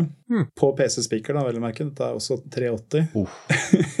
det er ikke like elegant som i Digger, det kan jeg love deg. Men eh, det gjorde inntrykk, det òg. Det var liksom den litt sånn mer sånn eh, hva skal jeg si, litt mer sånn uh, somre, litt sånn eh, dystre stemningen. Eh, spillet er at du er en mekka som går rundt i en, lab, en sånn fiendtlig base. Du kan eh, transformere om til et jetfly. eneste du har til å forsvare deg med, er en laser. Den kan du ikke sikte med sjøl. Enten så er du jetfly, da skyter du bare rett, for, rett fram foran deg. Eller så er du mekka, og da har du sånn auto-homing-greie. Men den sikter seg ikke på én og en fiende. Den sikter seg liksom, gjennom alle fiendene på skjermen. Sånn at du skyter litt på den ene, litt på neste osv. Så, videre, så, videre. så det, det er en helt absurd te- mekanikk, men den gjør jo at du må spille litt annerledes. da. Du må lure fiender unna sånn, og kite det litt. Og så kanskje, og så fiender stopper å bevege seg når de er av skjermen. Så du bare lurer med deg et par, og så tar de, og så går tilbake igjen osv. Så, videre. så det er veldig sånn taktisk, og det er ballehardt. da. Det er liksom du, Hvis du blir berørt av en fiende, så mister du halve livet ditt med en gang. liksom. Så det skal sies at det ser, det ser ikke spesielt bra ut, men um, det er den der, det veldig sånn taktiske gameplayet og liksom veldig sånn dyster stemning og dyster musikk og veldig sånn eh, post-apokalypse. Den, den gjorde inntrykk da jeg var liten. Også faktisk et spill som fikk en remake til PlayStation 3 og PSP, faktisk. Eh, flere år senere. Mange gode timer der også. Ikke hørt om. Nei, men det, det, det skjønner jeg godt, og du er ikke alene. Men eh, det er en sånn Det er en sånn litt sånn utskudd, sånn litt sånn der eh, sær greie, som eh, jeg fikk Ja, men det er sånne ting, sånne ting som blir kultklassikere, rett og slett. Mm. Sant? Og som du sier, det har jo fått en remake, så det har jo, det har jo sin, sin lille fanskare. Mm. Ja, og da er det verdt å sjekke ut. Alltid. Ja, jeg synes det. Uansett. Og det er altså, som sagt, det er til PSP. Du kan få tak i det uten store problemer hvis du vil. Ja. Eller PlayStation 3. Kanskje deres tilfeller. Jeg har jo en del ting på lista mi som egentlig bare fortjener å bli glemt. Så Yes. Ja, men det er, gøy, det er gøy å høre om det. Ja. Ja. Nei, men Vi ruller videre med plattformgreia. Eh, Jeg nevnte så vidt i forrige episode, så siden du nevnte Rock'n'Roll Racing, Terje, det er Blackthorn. ja, stemmer. Som er eh, litt samme gata som Prince of Persia, med sånn eh, cinematisk opplegg. Eh, ve- verdt å merke at eh, Blackthorn har laga et mye mer proft lag, men ser mye mer oppstilta og klønete ut, egentlig, i bevegelse. Ja. For eh, Blackthorn er jo Jeg vet ikke, er, han, er det meningen han skal være sånn Native American-type? Det er litt det jeg inntrykket jeg har hatt. ja, jeg er litt der, ja. Ja, Litt sånn Native American biker-type, som har med seg hagla si og skal redde folk fra de slemme orkene. Eh, og da er det selvfølgelig Du går rundt med hagla, skyter orker, kaster bomber, blod spruter, du går videre og unngår feller. Ja, samme greia. Det er jo liksom mer estetikken som tiltrakk meg, for det var jo mye mer detaljert grafikk, da. Sjøl om animasjonen ikke var like bra. Men uh, stemningen der òg, veldig kul. Mer sånn gritty. Jeg har spilt det veldig mye, det også. Uten at det egentlig er en veldig klassiker, det. Altså det ja jeg, Verdt å si. Kan ikke si jeg har spilt det, men eh, jeg kjenner jo til det, da. Ja. Det er jo, er, er, det er jo back- back-katalogen til Blizzard, så Mm. dette vet man om. Jeg har Men jeg, aldri hørt om det før. nei, altså hvis, hvis du føler at du har for lite Native American backer-estetikk i livet ditt, så er det, da vet du hvor du skal gå hen. Ja, til Prey. Nemlig. Stemmer. Yes. Nei, men eh, siste av den eh, litt mer, sånn, eh, litt mer obskure PC-plattformspillet jeg vil trekke fram. Dette spillet jeg, jeg blir overraska hvis noen andre enn meg har hørt om. Også. Det er Abuse. Nope. Nope. Nope. Nei. uh, Abuse, det, jeg husker det så godt da det kom ut, for at um, dette her er mye seinere. Det er 96, tror jeg. Eh, det er et 2D-spill, plattformspill, med selvfølgelig eh, et par distinksjoner. Det er det første, og så vidt jeg vet det eneste, kan hende at de lagde mer, eh, spillet fra et selskap som kalte seg for crack.com. Ja, Hadde .com i firmanavnet, faktisk. Badass. det er eh, Jeg- smart. Ja, også spesielt den adressa. Crack.com, liksom. Skal de selge crack, da, eller? Det er, det er ikke, ikke, ikke crack.com som er, er firmanavnet. Er crack. dot Stavet ut dot.com. Ja, det er riktig. Det er helt riktig. Greit. Og det står som en sånn veldig stor skrift når du starter spillet. Det har holdt seg veldig bra. Gud, så vakkert. Nei, det her er noe av det mest 90-tallet jeg har sett. Altså, herregud. Veldig. Det som uh, appellerte veldig med Abuse, uh, var det at de sa veldig tydelig at eh, dette skal være gritty action, mørk sci-fi. Eh, og vi har lagd det med et programmeringsspråk som heter Lisp, som lar oss gjøre mange kule ting. Eh, blant annet så, kan, så, lig, så ligger level-editoren med i spillet. Og du kunne lage egne brett, modifisere bretta som følger med i spillet, og spille de bare sånn, bare trykke på en knapp. Det var liksom helt amazing for meg, da. Har veldig kul grafikk, veldig sånn eh, bra animert og veldig smooth animasjoner. Veldig stemningsfull pixel art. Veldig bra lyddesign. Eh, ikke noe musikk, så vidt jeg vet, men um, kan hende det var på CD-en. Jeg kjøpte det aldri. Men veldig kule lydeffekter, masse atmosfære der. Og så er det det lille faktum da, at i praksis så er Abuse det er eh, Aliens, the video game, bare at de har ikke giddet å tatt det og fått lisensen på det. Ja, akkurat. Romvesenet du skal drepe, er, er aliens. Det Det er er ikke noe ja. annet å si om det. Ah, Ok, det, eh, det fins flere av dem. Ja, i hvert fall det er eh, det, den stemningen. Altså når du liksom uh, soser rundt, og så hører du sånn, sånn, sånn lav sånn brøling og knurring i, i, uh, i, nærheten. Og så går du inn i rommet, og så hører du bare sånn, sånn brøl som alien-egga som klekkes og raser ned på deg. Det er god stemning. Gøy.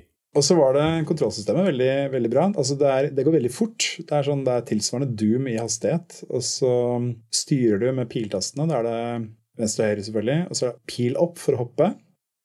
Eh, Pil ned for å bruke ting, altså trykke på knapper og åpne dører og sånne ting. Eh, Og så sikter du med musa. Så du har full eh, siktefrihet med musa. Den, altså den skyter den veien du sikter. Ja. Så det er ikke bare sånn laserbørser, selv om det er den du starter med. Du har også en granatkaster, som, hvor granatene er sånn De går i bane, slik de ville gjort. Så det føltes veldig sånn gjennomført, da. Det er et sånt spill som føler at det har blitt helt glemt, og det er egentlig litt ufortjent, for det, er veldig, det spillet er veldig, veldig kult. Jeg ser på, jeg ser på screenshotet nå. Det, altså, visuelt er det veldig imponerende for tiden siden. Så den lyssettingen ser helt nydelig ut. Ja, det er også verdt å nevne, for det har eh, realtime lyssetting. Du, altså, du kan slå av på lys, du kan, og når du, hvis ting eksploderer, så, kommer det, Mm. så lyser det opp omgivelsene osv. Imponerende. Og det er, eh, som sagt, så har det den level-editoren, hvor du kunne Det var akkurat den de brukte for å lage spillet, så der kan du gjøre hva du vil. Så lenge det er et 2D-skytespill. Ja. så jeg kan også nevne at Abuse er skylda i at jeg kjøpte meg en bok, som eh, en programmeringsbok om eh, å lære lisp. ja, så den startet. ja. For jeg tenkte at det var kult å lære seg lisp. Um, jeg kan vel si det at jeg anbefaler ingen å prøve å lære seg lisp. Det er ikke et bra språk. Kan ikke si jeg har hørt bra ting. Det er veldig nyttig til det det er laga til, men eh, det er ikke, vi har bedre måter å gjøre det på i dag, kan man vel si. Yes. Så eh, tar vi avslutninga, kronen på verket, kan man si. Nå må vi først inn på barndomsting, som jeg av en eller annen grunn ikke har prata så mye om eh, tidligere. Det er Megaman-serien. Mm. Du kan si at det som var mitt eh, Altså, jeg spilte Megaman 1 først, lite grann. Uh, Syns ikke det var det helt store. Men så fikk jeg prøve Megaman 2, som var mye bedre. Det var ikke like vanskelig, og så var det mer polert. Det var litt bedre kontroll på Megaman. Uh, men det, Ja. det er jo en serie som også har blitt litt glemt. Ja. Sjøl om det har kommet uh, nyutgivelser og sånne ting som jeg selvfølgelig har kjøpt og spilt. Men uh, premisset er det at Megaman er en robot som skal redde verden, selvfølgelig, fra andre uh, onde roboter. Uh, og du må, da må du velge bane du kan spille på. Det å velge bane var liksom Det var ikke Det var ikke liksom Det var også på en måte litt nytt. da Megaman kom. Eh, Du velger sjøl hvilken rekkefølge du skal ta det i, og når du tar bossen på banen, så får du våpenet til den bossen. Og så er spillet laget slik at hver boss er svak mot et visst våpen. Stemmer. Noen av de er veldig logiske. Det er liksom, Har du en vann... Vannkanon, så slår du ildbossen, ja. Ja, ikke sant? Du kan si at det er ikke så veldig big whoop, men det, er, det var veldig kult da det kom. Litt sånn strategi på hvordan du skulle velge å spille. Ja, men det er jo sånn, ja, det er også, det er også ikonisk nå med Megaman, men jeg har ikke tenkt noe særlig over at ja, det var jo kanskje ganske banebrytende med at det var så ikke-lineært da, eh, når det Mm. først kom ut. Ja, Dette var jo spill som kom på NES i gamle dager. Det var liksom, Jeg føler jo at de eksperimenterte veldig med formen der. da. At uh, hva hvis, vi- altså Plattformspill var jo strengt lineære, men hva hvis vi isteden gjør det slik? Mm. Det syns jeg er veldig kult. Ja. Det, det er også en serie som holdt på veldig lenge. da. Du har, uh, Ja, ikke sant. de, har kom, de kom opp til Megaman 11 før de ga seg. Uh, Megaman 11 er jo et moderne spill som kom for noen få år siden. Det er dessverre ikke på langt nær så bra som de andre. Og så kom det spin-off-serier med Megaman X, Megaman Z osv. Og, så videre, og Battle Network og ja, mange spin-offs. Yeah. Men uh, alt dette her har liksom ramla litt av i det siste. De har liksom ikke tatt en Megaman revival. Altså, De begynte jo med Megaman uh, Mighty Number Nine. ja. Ikke sant? Mighty Number Nine. Altså, Megaman 9 og Megaman 10 er jo moderne spill, for så vidt. De, de er uh, retrostilisert, men de klarte liksom ikke å fange magien igjen, da. så jeg vet ikke helt om det er så mye krutt igjen i den serien, egentlig. Nei.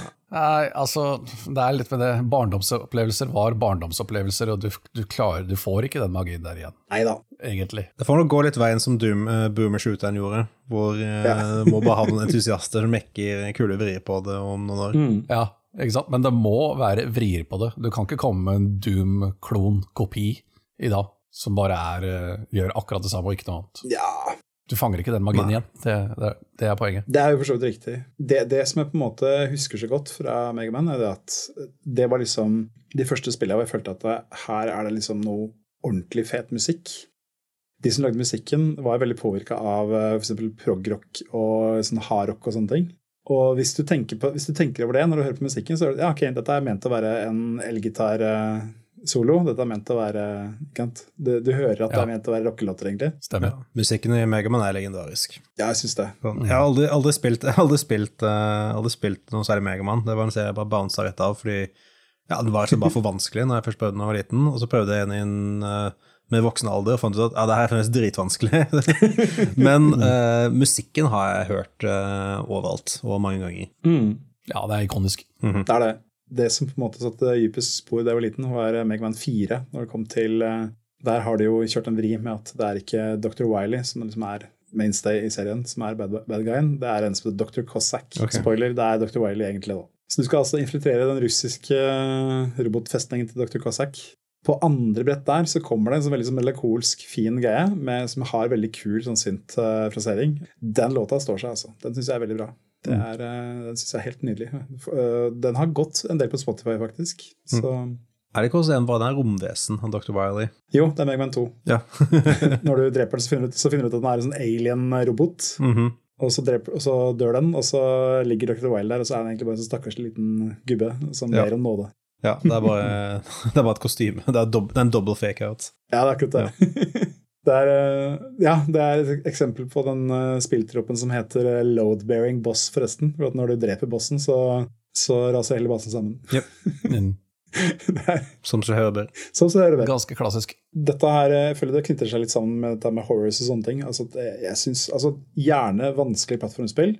Gjerne med skyting. Må ikke være det, selvfølgelig. Det syns jeg, veldig, synes jeg holder seg. Altså. Det er en sjanger jeg egentlig aldri blir lei av. Mm. Så det er, eh, jeg synes det, det, det jeg liker veldig godt, er at det, har jo, det er jo en konstant revival i den sjangeren. Du har Super Meat Boy, ikke sant? Du har eh, Braids, da det kom. Du har eh, ja, Pizza Tower, da. Det kommer stadig nytt og bra i den sjangeren, og det tror jeg vil fortsette. ass. Det er så Yep. mye å hente der. Mm. Indie-bølgen, den gir seg ikke der. Det, Nei, det er veldig gøy å se. det er veldig bra. Det er ikke så lenge til Anton Blast kommer ut heller, men nå skal jeg ikke spore helt av her. Nei, vi gleder oss veldig til Anton Blast. Men da skal noen andre få prate. Ja, vi får lov, vi òg. Ja. Un under, under tvil. ja, hvem vil ta over først? Vi... Skal vi, skal vi høre med Audun først, eller? Siden Ja. du var litt på samme som jeg snakka om. Ja. Ja, jeg hadde jo Digger, sånn som Trygve. Ja. Men et spill jeg vil eh, snakke om som er litt uh, lignende, er noe som heter Pango. Det er en uh, klone av et uh, arkadespill fra 1982 som heter Pengo. Ja, jeg, jeg, lurte, jeg lurte på om det kunne være det, ser du. Ja, jeg spilte det også. Veldig, veldig bra. Det spillet hadde også popkorn som musikk, men mm. Å Stemmer. Pango er jo da liksom klonen til eh, PC DOS, og det hadde en helt annen musikk. Yeah. Og der har du også Jeg husker at du kunne velge da mellom CGA, VGA, EGA og sånn. ja. Men jeg valgte alltid CGA fordi jeg likte de fargene best. Akkurat. Jeg digga fiolett-opplegget der. Ja, Syns det så mye bedre ut enn det grønne, brune, liksom. Ikke sant? Men det som er greia, er at du, eh, du styrer en pingvin, Pango, i en eh, labyrint som består av blokker.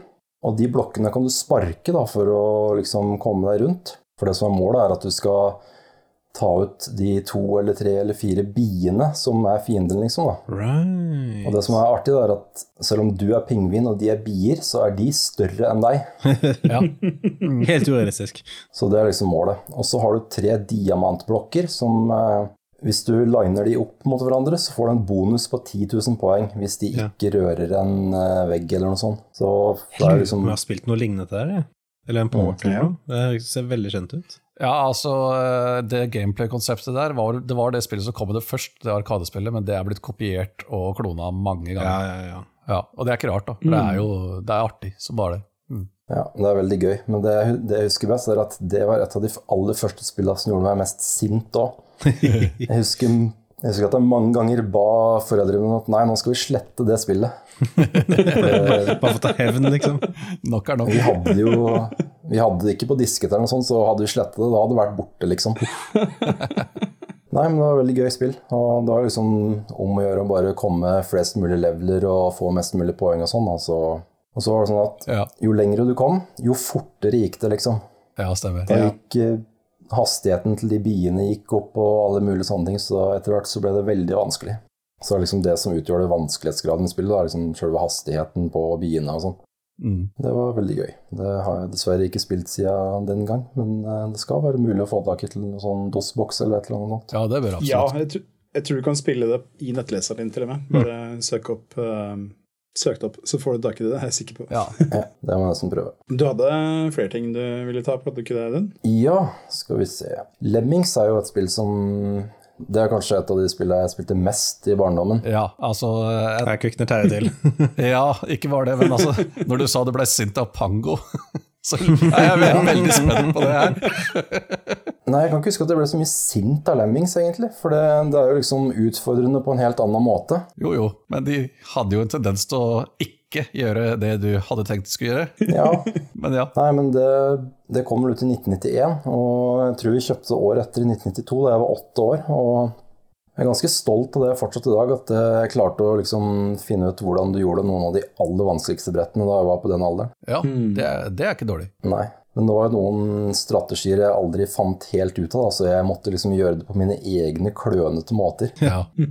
Egentlig er det mye mer komplisert enn det du skulle gjøre, da, så det ble på en måte imponerende på den måten. Ja. Jeg husker jeg prøvde Lemmings på, på PC-en til ah, storebror til en venn eller et eller annet. Eh, og jeg innså at bare sånn, dette her er sånn voksenspill. Dette her er ikke smart nok til, til å spille når jeg var Nei, liten. ikke sant? Altså, du, du når et punkt hvor du må begynne å tenke noe så jævlig ut av boksen, sånn at du, du må begynne å bruke disse ferdighetene deres på sånne finurlige måter. Så det føles som at det egentlig er en exploit, det du gjør.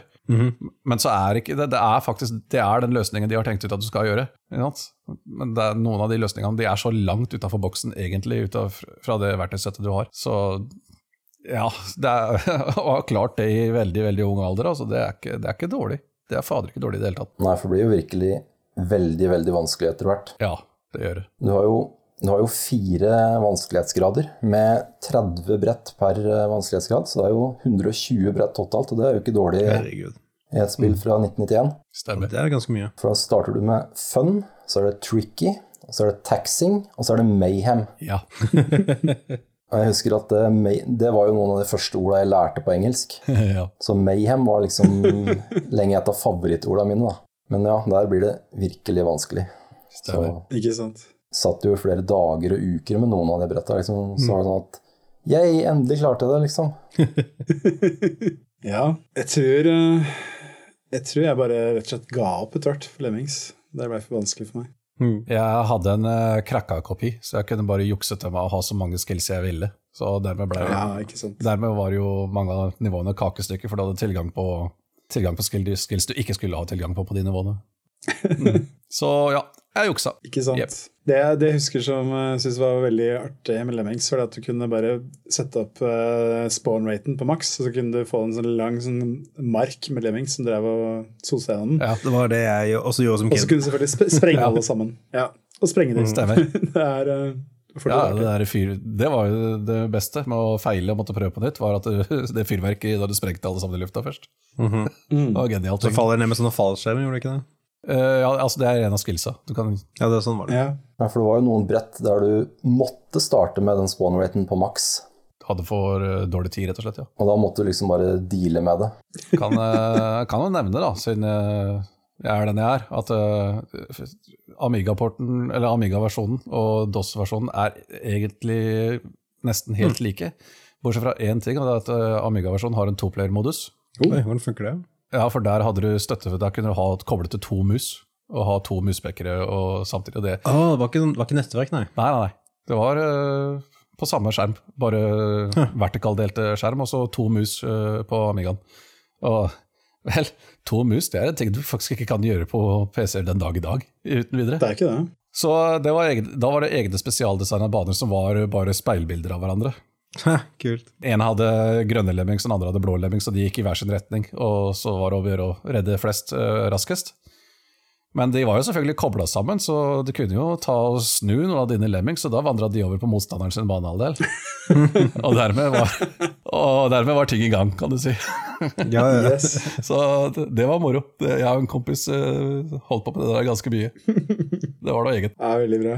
Ja, du har uh, flere ting på lista, du, Audun. Ja, vi kan jo ta med Jeg var jo utelukkende PC-gamer de første åra av livet mitt. For det, vi kjøpte jo ikke Nintendo før i 1995, da jeg var 11 år. Mhm. Da var vel allerede Super Nintendo og PlayStation ute. Det var det, gitt. Mm. Men Ja. et, av de, et av de første spillene, eller jeg vet ikke om det var det første, men et av det jeg spilte mest, var eh, Kid Icarus. Ja. Ja. Det er jo et uh, veldig gøy plattformspill som Det er ikke så veldig vanskelig, fordi du har liksom uendelig med continuer og sånn, Mhm. men det er jo veldig utfordrende for det. I hvert fall det er litt dårlig rytme i vanskelighetsgraden i det spillet, for det er liksom de tre første bretta kan jo sies å være det vanskeligste, for der har du liksom ikke noe upgrade eller noe mm. sånt. Mens eh, jo lenger du kommer, da, så får du jo mer og mer upgrade, og du kan få sånn beskyttelse rundt deg og sånne ting som gjør at du kan gå på fiender og ta dem på den måten. Ja. Så det blir liksom litt enklere etter hvert. Ja. Jeg har hatt inntrykk av at Kid Icarus var sånn notorisk vanskelig spill, men er det kanskje en spesifikk versjon av det, eller en oppfølger, da, kanskje? Nei, jeg vil ikke si at det var så vanskelig, egentlig. Eller er Audun bare hardcore? Ja. Nei. ja jeg, jeg tror det er det du sier Audun, at starten var så hard. Ja. Det er, jeg husker, altså i hvert fall Gameboy-versjonen, der var det sånn at eh, på slutten av spillet så blaster vi jo alt til helvete. Det er, eh, men det er jo et spill jeg husker jeg runda da jeg var liten. Det nevnte jeg vel i Gameboy-episoden. Nei, jeg syns ikke det var spesielt vanskelig i forhold til andre spill jeg spilte, sånn som Castlevania og Ninja Guiden og sånne ting. Det var jo ting jeg aldri klarte å fullføre. Megaman 2 og det, det klarte jeg aldri å runde. Jeg tror jeg kom til siste bossen et par ganger, men eh, aldri klarte å ta han. Ja. Men uh, Kid Icarus kjørte jeg gjennom mange ganger. Kid Icarus, det er jo um, uh, Er vel laga av Åssen var dette der igjen? Det var vel noen Altså, de, de brukte det samme de samme systemene som de brukte på eh, kassetten til Metroid. Så det er med sånne lange sånn, eh, vertikale baner og sånne ting. Det er uh, felles med Kid Icarus og Metroid. Så, og så er det litt av de samme mekanikkene, at du liksom må oppgradere komme videre, for å komme videre. Men det er ikke like altså det, er ikke, det, er ikke, det er mye mer lineært enn Metroid er, da. Ja, Det det er veldig lineært. For det, du sa jo at du har vertikale baner, og det stemmer jo. For det, du har liksom tre verdener, og verden én og tre de er vertikale, så der må du liksom klatre oppover, oppover, oppover. oppover. Men verden to den er horisontal, så da, da er det liksom, liksom mer som en vanlig plattformer hvor du går bortover. Mm. Men det som også bør nevnes, er de slottene som er liksom på slutten av hver verden. Det var jo noen eh, labyrinter uten like. Oh yes. Og så har du de der eggplantjævlene som eh, kaster sånne eggplanter på deg. Det var det. Og får du de over hodet, Ja. da, da kan du ikke skyte, Yes. liksom. Og de borgene er jo fulle av våpen, nei, fiender. Så da er du ganske screwed, liksom, hvis det skjer. Stemmer. Yes. Det var, eh, jeg husker Det jeg likte så godt med Kid Icarus, var at det var litt så absurd. altså Du styrer en liten engel som må gjennom underverdenen, og da møter du Mannen med ljåen er en av de du, som dukker opp underveis, pluss, som du nevnte, han aubergine-gubben. Så det er, det er liksom, det er sånn sært. Og så nevnte jeg det der med at du møter Satan sjøl i Gameboy-versjonen, i hvert fall. Mm. Men Aubergine-gubben er fremdeles eh, den største trusselen av, av de. Ja, det, altså det, han kan du helt Verre enn Satan og døden selv. Ja, ikke sant. Det er nettopp, nettopp det. Nei, det en klassiker som også er litt, litt glemt. Det kommer jo en oppfølger senest i 2011, vil jeg si. Jeg vet ikke om det er helt riktig, men rundt der. Til 3DS.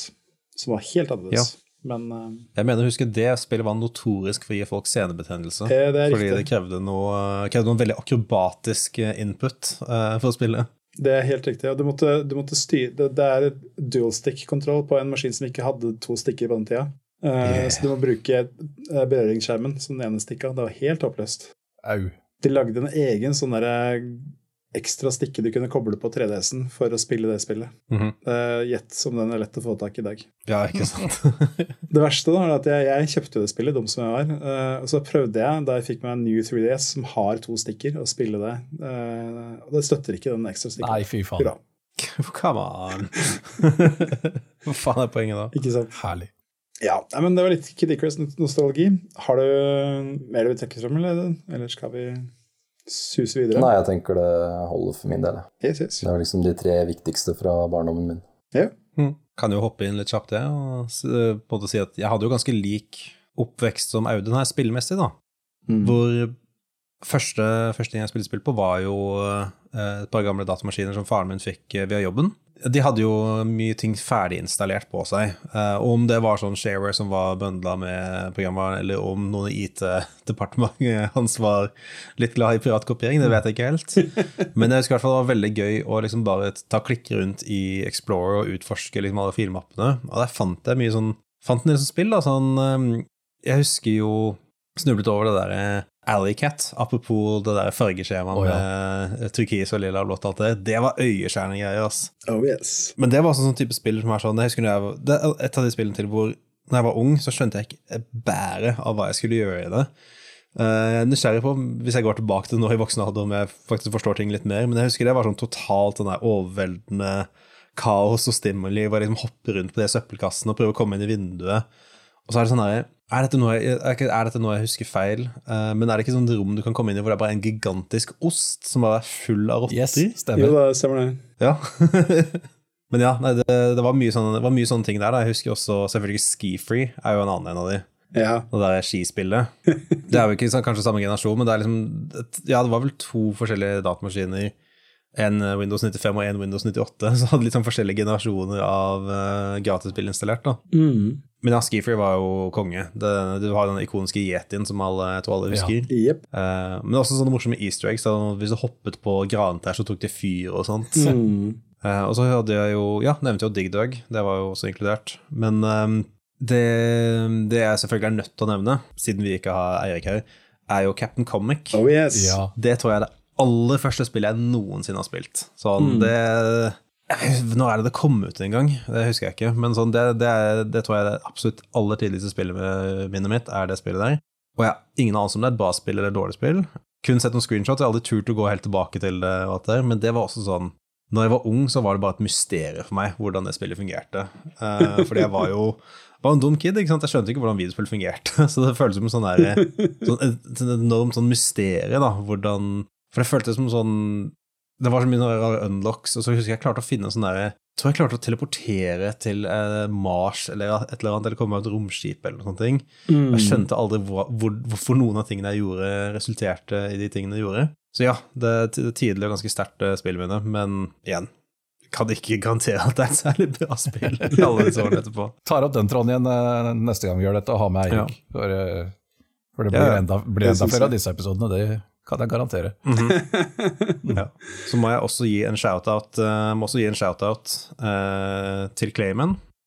Uh, fordi et annet spill fra barndommen var jo det der The Neverhood. oh, ja. som var det, Jeg vant det, husker jeg, på et kjøpesenter i Bergen. Så var det en sånn konkurranse hvor eh, pri- premien var det spillet.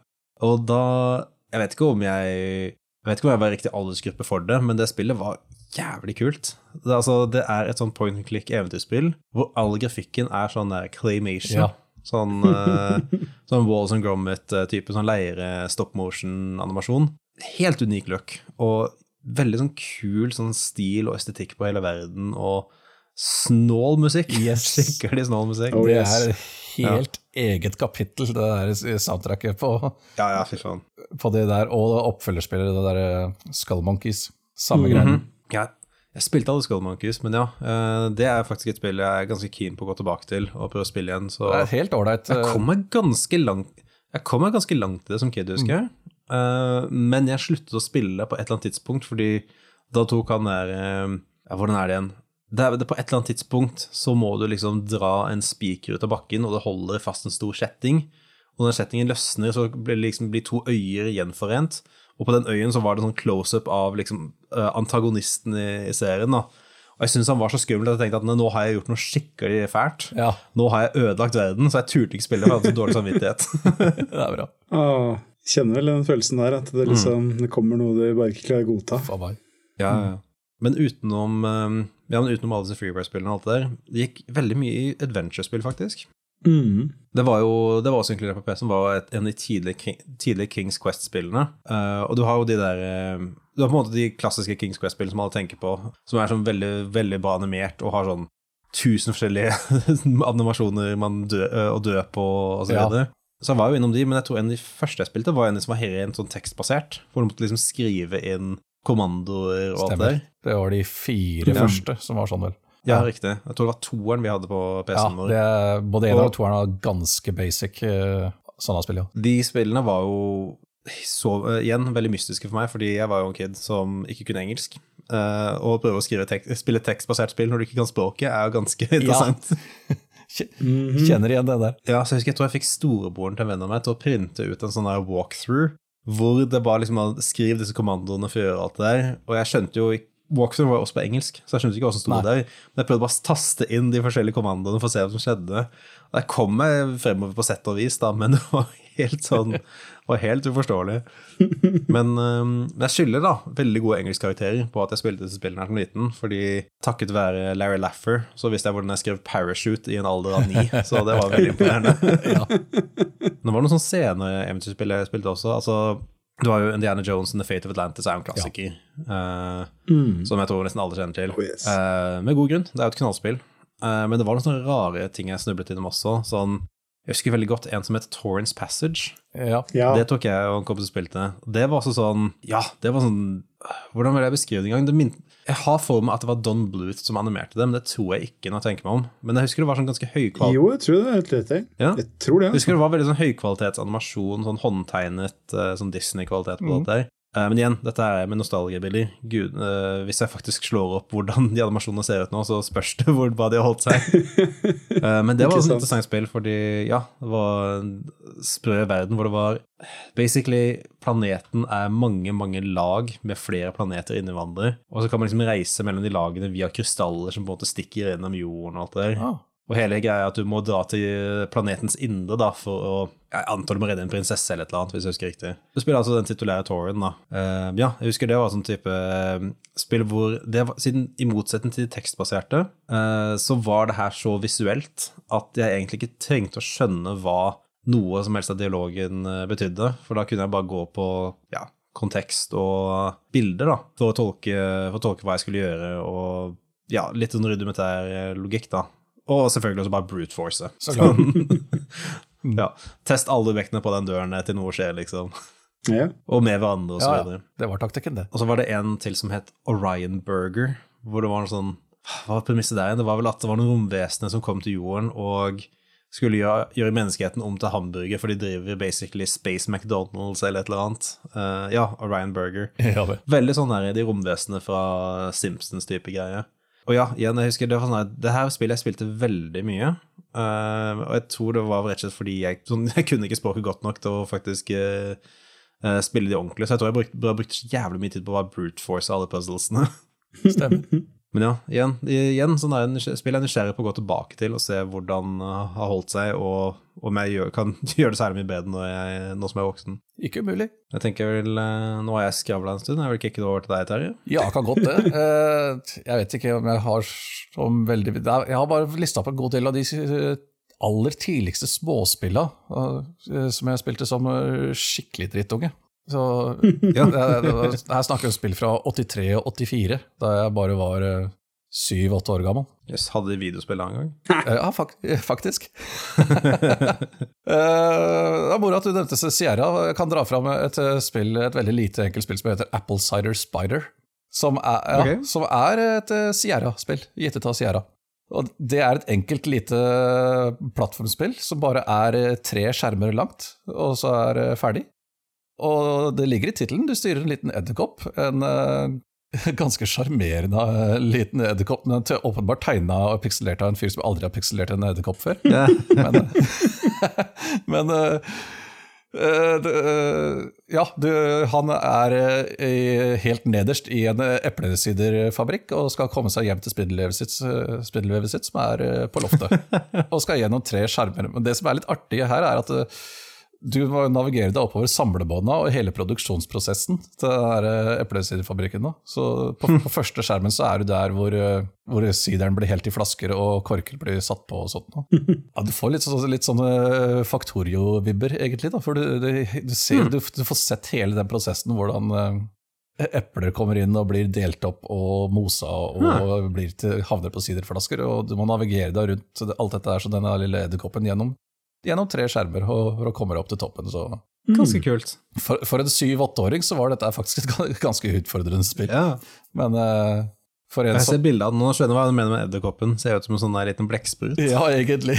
Det var kjempesøt, Det faktisk. ser jo ikke ut som en edderkopp i det hele tatt, men, Nei, nei. men uh, full av skjerm. Og godt animert og alt sammen, så ja, det er bare en sånn der sak som jeg har eh, gode minner til. Det er eh, rett og slett eh, Kunne gått inn i Comfy-spill-episoden vår, egentlig, hvis, hadde ikke vært for det er, det jo utfordringer i det, da. Det er ikke det, er ikke det letteste spillet, eller i hvert fall ikke det som, som guttunge. Men uh, for oss i dag, som har spilt uh, 18 uh, plattformspill, så klarer vi Ja, det. ikke sant. Ikke sant? Jeg, så, jeg så det var en playthrough på YouTube som bare går gjennom det på to minutter, for det er jo ikke lenger enn det, hvis du, hvis du kan det. Men eh, videre av eh, den typen plattformspill, som er bare på en sånn enkelt skjerm fra den tida, er eh, et, eh, en klassiker som heter Jumpman Junior. Ja. Er det en Mario rip-off, tilfeldigvis? Nei, det er det ikke det i det hele tatt. Jeg skjønner hvorfor tankene går dit, for eh, som kjent, ja. da Mario dukka opp for første gang i Donkey Kong, så het han bare Jumpman. Men det er tilfeldig. tilfeldig. Jumpman eh, her sånn er eh, Det er enkelt singlescreen-plattformer, ja, hvor du skal bare gå rundt og samle opp eh, sånne kryss. Jeg tror, de, jeg tror det skal være bomber, ifølge bruksanvisninga. Det er bare en gimmick, egentlig. altså du skal samle opp eh, forskjellige ting rundt omkring på skjermen. Og det er, det er en plattform du klatrer opp og ned i stiger, det er tau og kjettinger du klatrer opp og ned i. Men altså, kjettinger, så kan Men- du, bare, du kan bare klatre oppover i kjettinger, og du kan bare klatre nedover i tau. Jeg hører mye prat om klatring og gåing rundt. Hopper Ja. du det hele tatt i det spillet? Ja, ja det gjør det. Ok, takk Gud. Ellers så, ellers hadde han vært i trøbbel.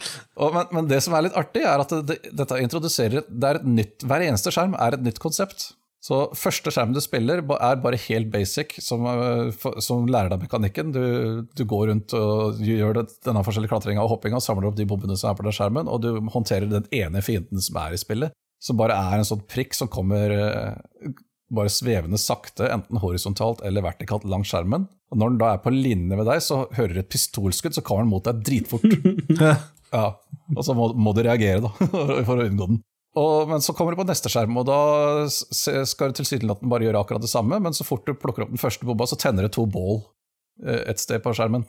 Og så plukker du opp neste, så tenner det to bål et annet sted, og som da er hindringer. Da. Yes. Så oi sann, shit, så må du plutselig tenke deg om. Og, og det, det er gimmicken på det brettet. Og så kommer neste igjen som plutselig har bevegende stiger. Og så kommer en annen igjen som, hvor det har sånne små steiner som hopper rundt og skal ta det.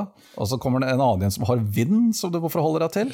Det var ikke ganske avansert for spill fra 80 83, sa du? Ja, men hver eneste bane har sin egen gimmick, altså. Eh, Det er eh, skikkelig spredt.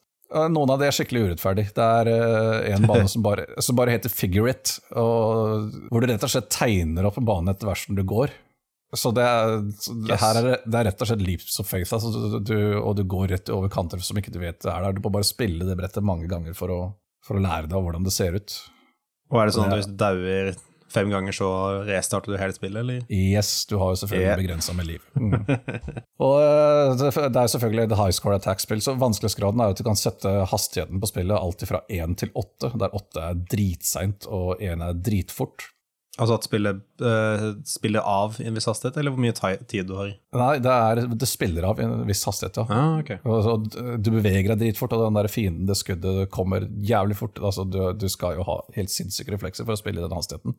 Men uh, greia er jo at det er en sånn bonus som starter på eh, et visst nivå og teller nedover. Og den teller nedover i samme hastighet uansett hvilken vanskelighetsgrad du velger. Så jo, jo raskere du klarer å spille spillet, jo mer poeng får du. Hmm. Så det er jo greia. Det finnes to versjoner av det spillet. Det kom opprinnelig ut bare et som het Jumpman, som var for uh, diskettstasjoner. For da lasta spillet inn fem, eh, knipper på fem brett eh, i slengen, men uh, tilfeldig. Du visste ikke hvilket sett med baner du fikk.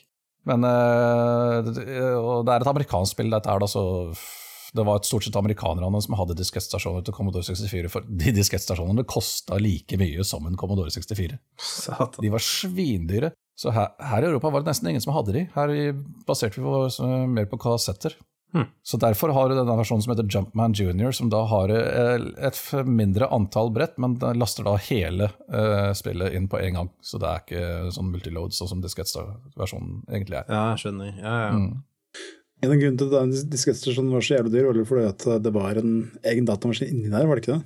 Det er en helt egen datamaskin. Den har sin egen CPU og full pakke og alt sammen. og det, det, kan, det er et eget kapittel. altså Folk hardware-hacker jo den. Ta alle hendene, liksom. Ja, ja, folk lodder inn tastaturer og sånt, og, og, for det er jo samme CPU-en som sitter i Commodore 64, og er programmerbar på samme måte. Hva verden gjorde de det på den måten òg? Ja, det var bare gamle dager, det var måten å gjøre det på. Ja. Så det, det Commodore 64 På 80-tallet, baby. Ja, altså Det Commodore 64 gjør, er bare øh, altså Diskettstasjonen er kobla til seriellporten, ikke sant? så Commodore 64 bare sender en kommando øh, ut i seriellporten. Og så er alt av kontroller og alt av systemer og sånt, alt det der skjer i diskettstasjonen. Da den bare mater infoen tilbake til Commodore 64, nå, som bare sitter og venter på inputen. ikke sant? Hm. Så ja, de fungerer, det er to fullstendig uavhengige enheter, men øh, det gjorde diskettstasjonen svindyr, ja. Det var veldig få som hadde den. Kan avsløre at jeg faktisk har en. Ja, jeg også har to stykker nå. Men var det, de, var det de diskettene som var sånn sinnssykt svære? Yes, det var fem og en kvart. Ja. eh, De som var sånn, ja, men de som var sånn nesten på størrelse med en LP-plate? Eller nei, jeg overdriver kanskje i hodet mitt. Nei, ikke men, fullt så eh, store, men ja. Det var sånn, sånn 20 ganger 20, 20 cm, ikke sant? Ja, noe rundt det, ja. Sånn, Ja. ja, eh, fem og en kvart om. Mm. Mm. Sånn, veldig sånn lefsete og myke. Mm. Ja, ja. Så de, de var tosidige også. Så Men eh, ja, Commodore 64 så måtte du faktisk du måtte fysisk snu de. Du hadde ikke lesehodet opp og ned. Et, et annet et som er utgitt av Sierra, er jo eh, etter Maze Muncher-sjangeren. som, eh, Det er et uttrykk som egentlig er glemt eh, i dag. Maze Muncher? Ja, for det var, det var Pac-Man, rett og slett. Pac-Man Pacman introduserte jo det. bare ha en labyrint full av prikker, så du skulle bare Ja, ja. navigere deg gjennom hele labyrinten til da du fjerna alle Dette prikkene. er før alle derivative derivativer ble hetende sånne ting som Pac-Man-like og Doom-like og, og sånne ting. Ja, det er det, det er det de heter Ja, ja. nå. Pac-Man-like eller Pac-Man-kloner. Men altså, det var en egen genre som de kalte Maze Muncher mm. en periode. Og det er flere andre klassikere. Det er, det er klassikere som heter Crystal Castles, for eksempel. Ja, som, ja, ja.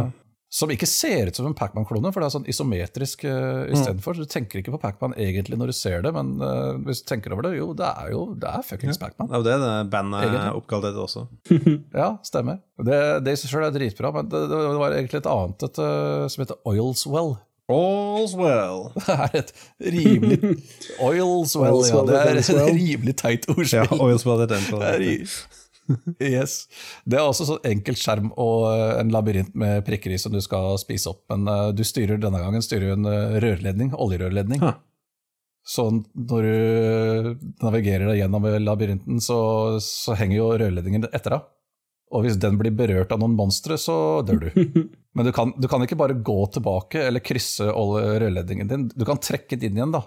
Så den, den spoler seg opp igjen ganske raskt. Akkurat som i virkeligheten. Ja, akkurat som i virkeligheten. Helt riktig. Men det er faktisk ganske artig. Det, første nivået er jo veldig enkelt uh, laga, med bare horisontale korridorer med noen små vertikale ganger som uh, kobler de sammen. Men det blir fort veldig kompliserte labyrinter du skal navigere den der dumme rørledningen din rundt i, altså. og samtidig så skal da passe på disse monstrene. For du kan spise monstrene hvis du, du treffer dem med kjeften på oljerørledningen, mm. men de dreper deg hvis de, hvis de treffer ledningen i seg sjøl, så da, du må følge med litt der. Det, det, er også egentlig et ganske kult spill. En ganske kul variant på det der Pacman-gameplayet. Og det er egentlig litt dritt at den har forsvunnet fra jeg, jeg, tror ikke det, jeg tror jeg aldri har laga noen remakes. Fra folkehukommelsen? Ja, jeg tror jeg aldri har laga noen remakes eller noen eh, Ikke som jeg har funnet. Det er første gang jeg har hørt om det. Ikke som jeg har sett eller hørt om, eller noen ting i hvert fall. Men det er også en Sierra-utgivelse. I hvert fall i USA. Jeg tror det var US Gold som ga den ut her, her eh, på denne sida av dammen. Så eh, det er de enkle, tidlige småspillene jeg hadde å dra fram ja. denne gangen, egentlig. Jeg har, litt, eh, jeg har, et par andre som er litt større og lengre temaer, men jeg lurer på om ikke vi kanskje begynner å dra ut litt. jeg føler at vi har eh, nok materiale her til å ha en egen episode om f.eks. adventure-spill. En egen mm. episode om strategi ja, og City Builders, sånne ting. Ja, ja, ja. Det, altså, det er, vi må bare gjøre det. Ha temaepisoder ja. om alle spillsjangre mm. egentlig opp, oppover. Men vi skal selvfølgelig holde på i mange år. Ja, ja. Så, ja da. For, ja, ja. Nei, jeg, ser, jeg har jo en egen, har en egen ting i sendeskjemaet mitt for edutainment-spill, og det er kun de jeg klarte å huske på kort notis. Så det gikk mye i det, altså. Men uh, jeg ble bare kjapt gi en shout-out til Vikinglandsbyen. Jeg tror det er tror det er nær og kjært til mange, og, mange norske barns uh, nostalgi. Yes, yes. Ja, men eh, skal vi rett og slett si at vi skal runde av, kanskje? Det er like greit det nå. Klokka begynner å bli mye. Mm. Mm. Så har vi, ja. ser vi da vi, da vi, hadde forrige, så, så, var det vi satte med at ja, her har vi nok til mange episoder til. Og det er vel akkurat der vi er i dag òg. Ja. Kanskje én episode til? Ja, altså, ja, så, så, bare, nei, vi kommer gjennom kanskje en tredjedel av tingene vi har notert ned. ja, som du sa i starten, nå har jeg brukt opp 0,2 mm. av materialet. Da har vi kommet veldig langt, syns jeg. Det må jeg bare si. Jeg kan, eh, vi kan runde av, og da vil jeg aller først bare understreke igjen. Vi har en e-postadresse. Det er en egen som benytter seg av tilbudet der. De har ikke fått en e-post. Begynner å føle litt uh, at det er litt som personlig etter hvert, men uh, greit nok. ja, det er nesten som folk ikke, ikke, ikke vil ha med oss å gjøre, eller liker oss ikke, eller hva er, mm. hva er greia? Nei, nei, altså det er jo selvfølgelig fordi alle meningene våre er objektivt korrekte, så det er ingen som faktisk vil sende inn og korrigere oss på, ja, på noen det... faktuelle eller uh, subjektive punkter. Selvfølgelig. Mm. Selvfølgelig er det sånn ja. det er. Mm. At jeg ikke tenkte på det. Burde endre, burde, endre, burde endre taglinen vår til 'Norges mest korrekte podkast'. ja, ja. Det er jo det er jo så opplagt. Ja, det, det. Det burde jeg tenkt. Jeg burde, jeg burde skjønt det. men mm. sitter du og hører på podkasten og tenker på at fader eller skulle gjerne gitt en tilbakemelding som gjerne kunne blitt gitt i tekst, tekstform og lest opp på en episode senere, så er adressa fortsatt hets alfakrøllspillegal.no. Altså hets. Ja. Så det er litt, litt sånn ledende e-postadresse. Det er det jo selvfølgelig. Men ja. Ellers kan du bare dukke opp på døra mi med en høygaffel og fakler. Ja, det funker også. Ja. Ellers eh, så har jo også flere av oss planer om å dukke opp og være på Tiltcast-eventet til, til Lolbua og co., selv om vi ikke er invitert. Det, er sant, ja. ja, det kommer nå snart. Grov for, ja, forseelse på det, dems eh, part, men ja.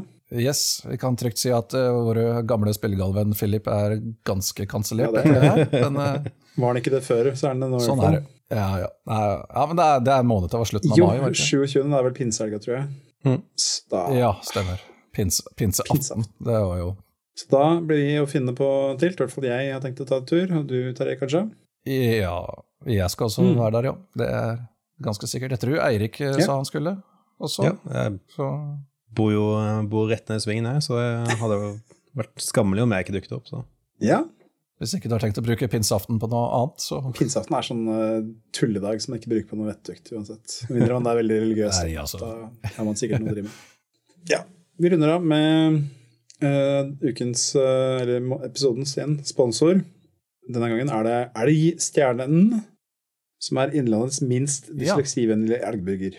Som fås kjøpt på Tingvollkroa på Stange. Og der er det hard konkurranse, kan sies. Det er ganske hard konkurranse. Så de har uh, trukket det lengste strået enn så lenge, men vi får se om uh, det mobiliseres på Løten eller i Ringsaker. Mm. Yes, yes. Nei, men dere, da vil jeg bare si tusen takk for følget. Tusen takk til eh, deg, Audun, for at du stilte opp på relativt kort varsel. Ja, bare hyggelig, det. Ja, mange takk. ja, det er bra. Så, og takk til selvfølgelig Terje og Sindre også, Ja, bare hyggelig. Som vanlig. som begynner å bli ganske rutinerte. Ja, det kommer seg. Det kommer seg.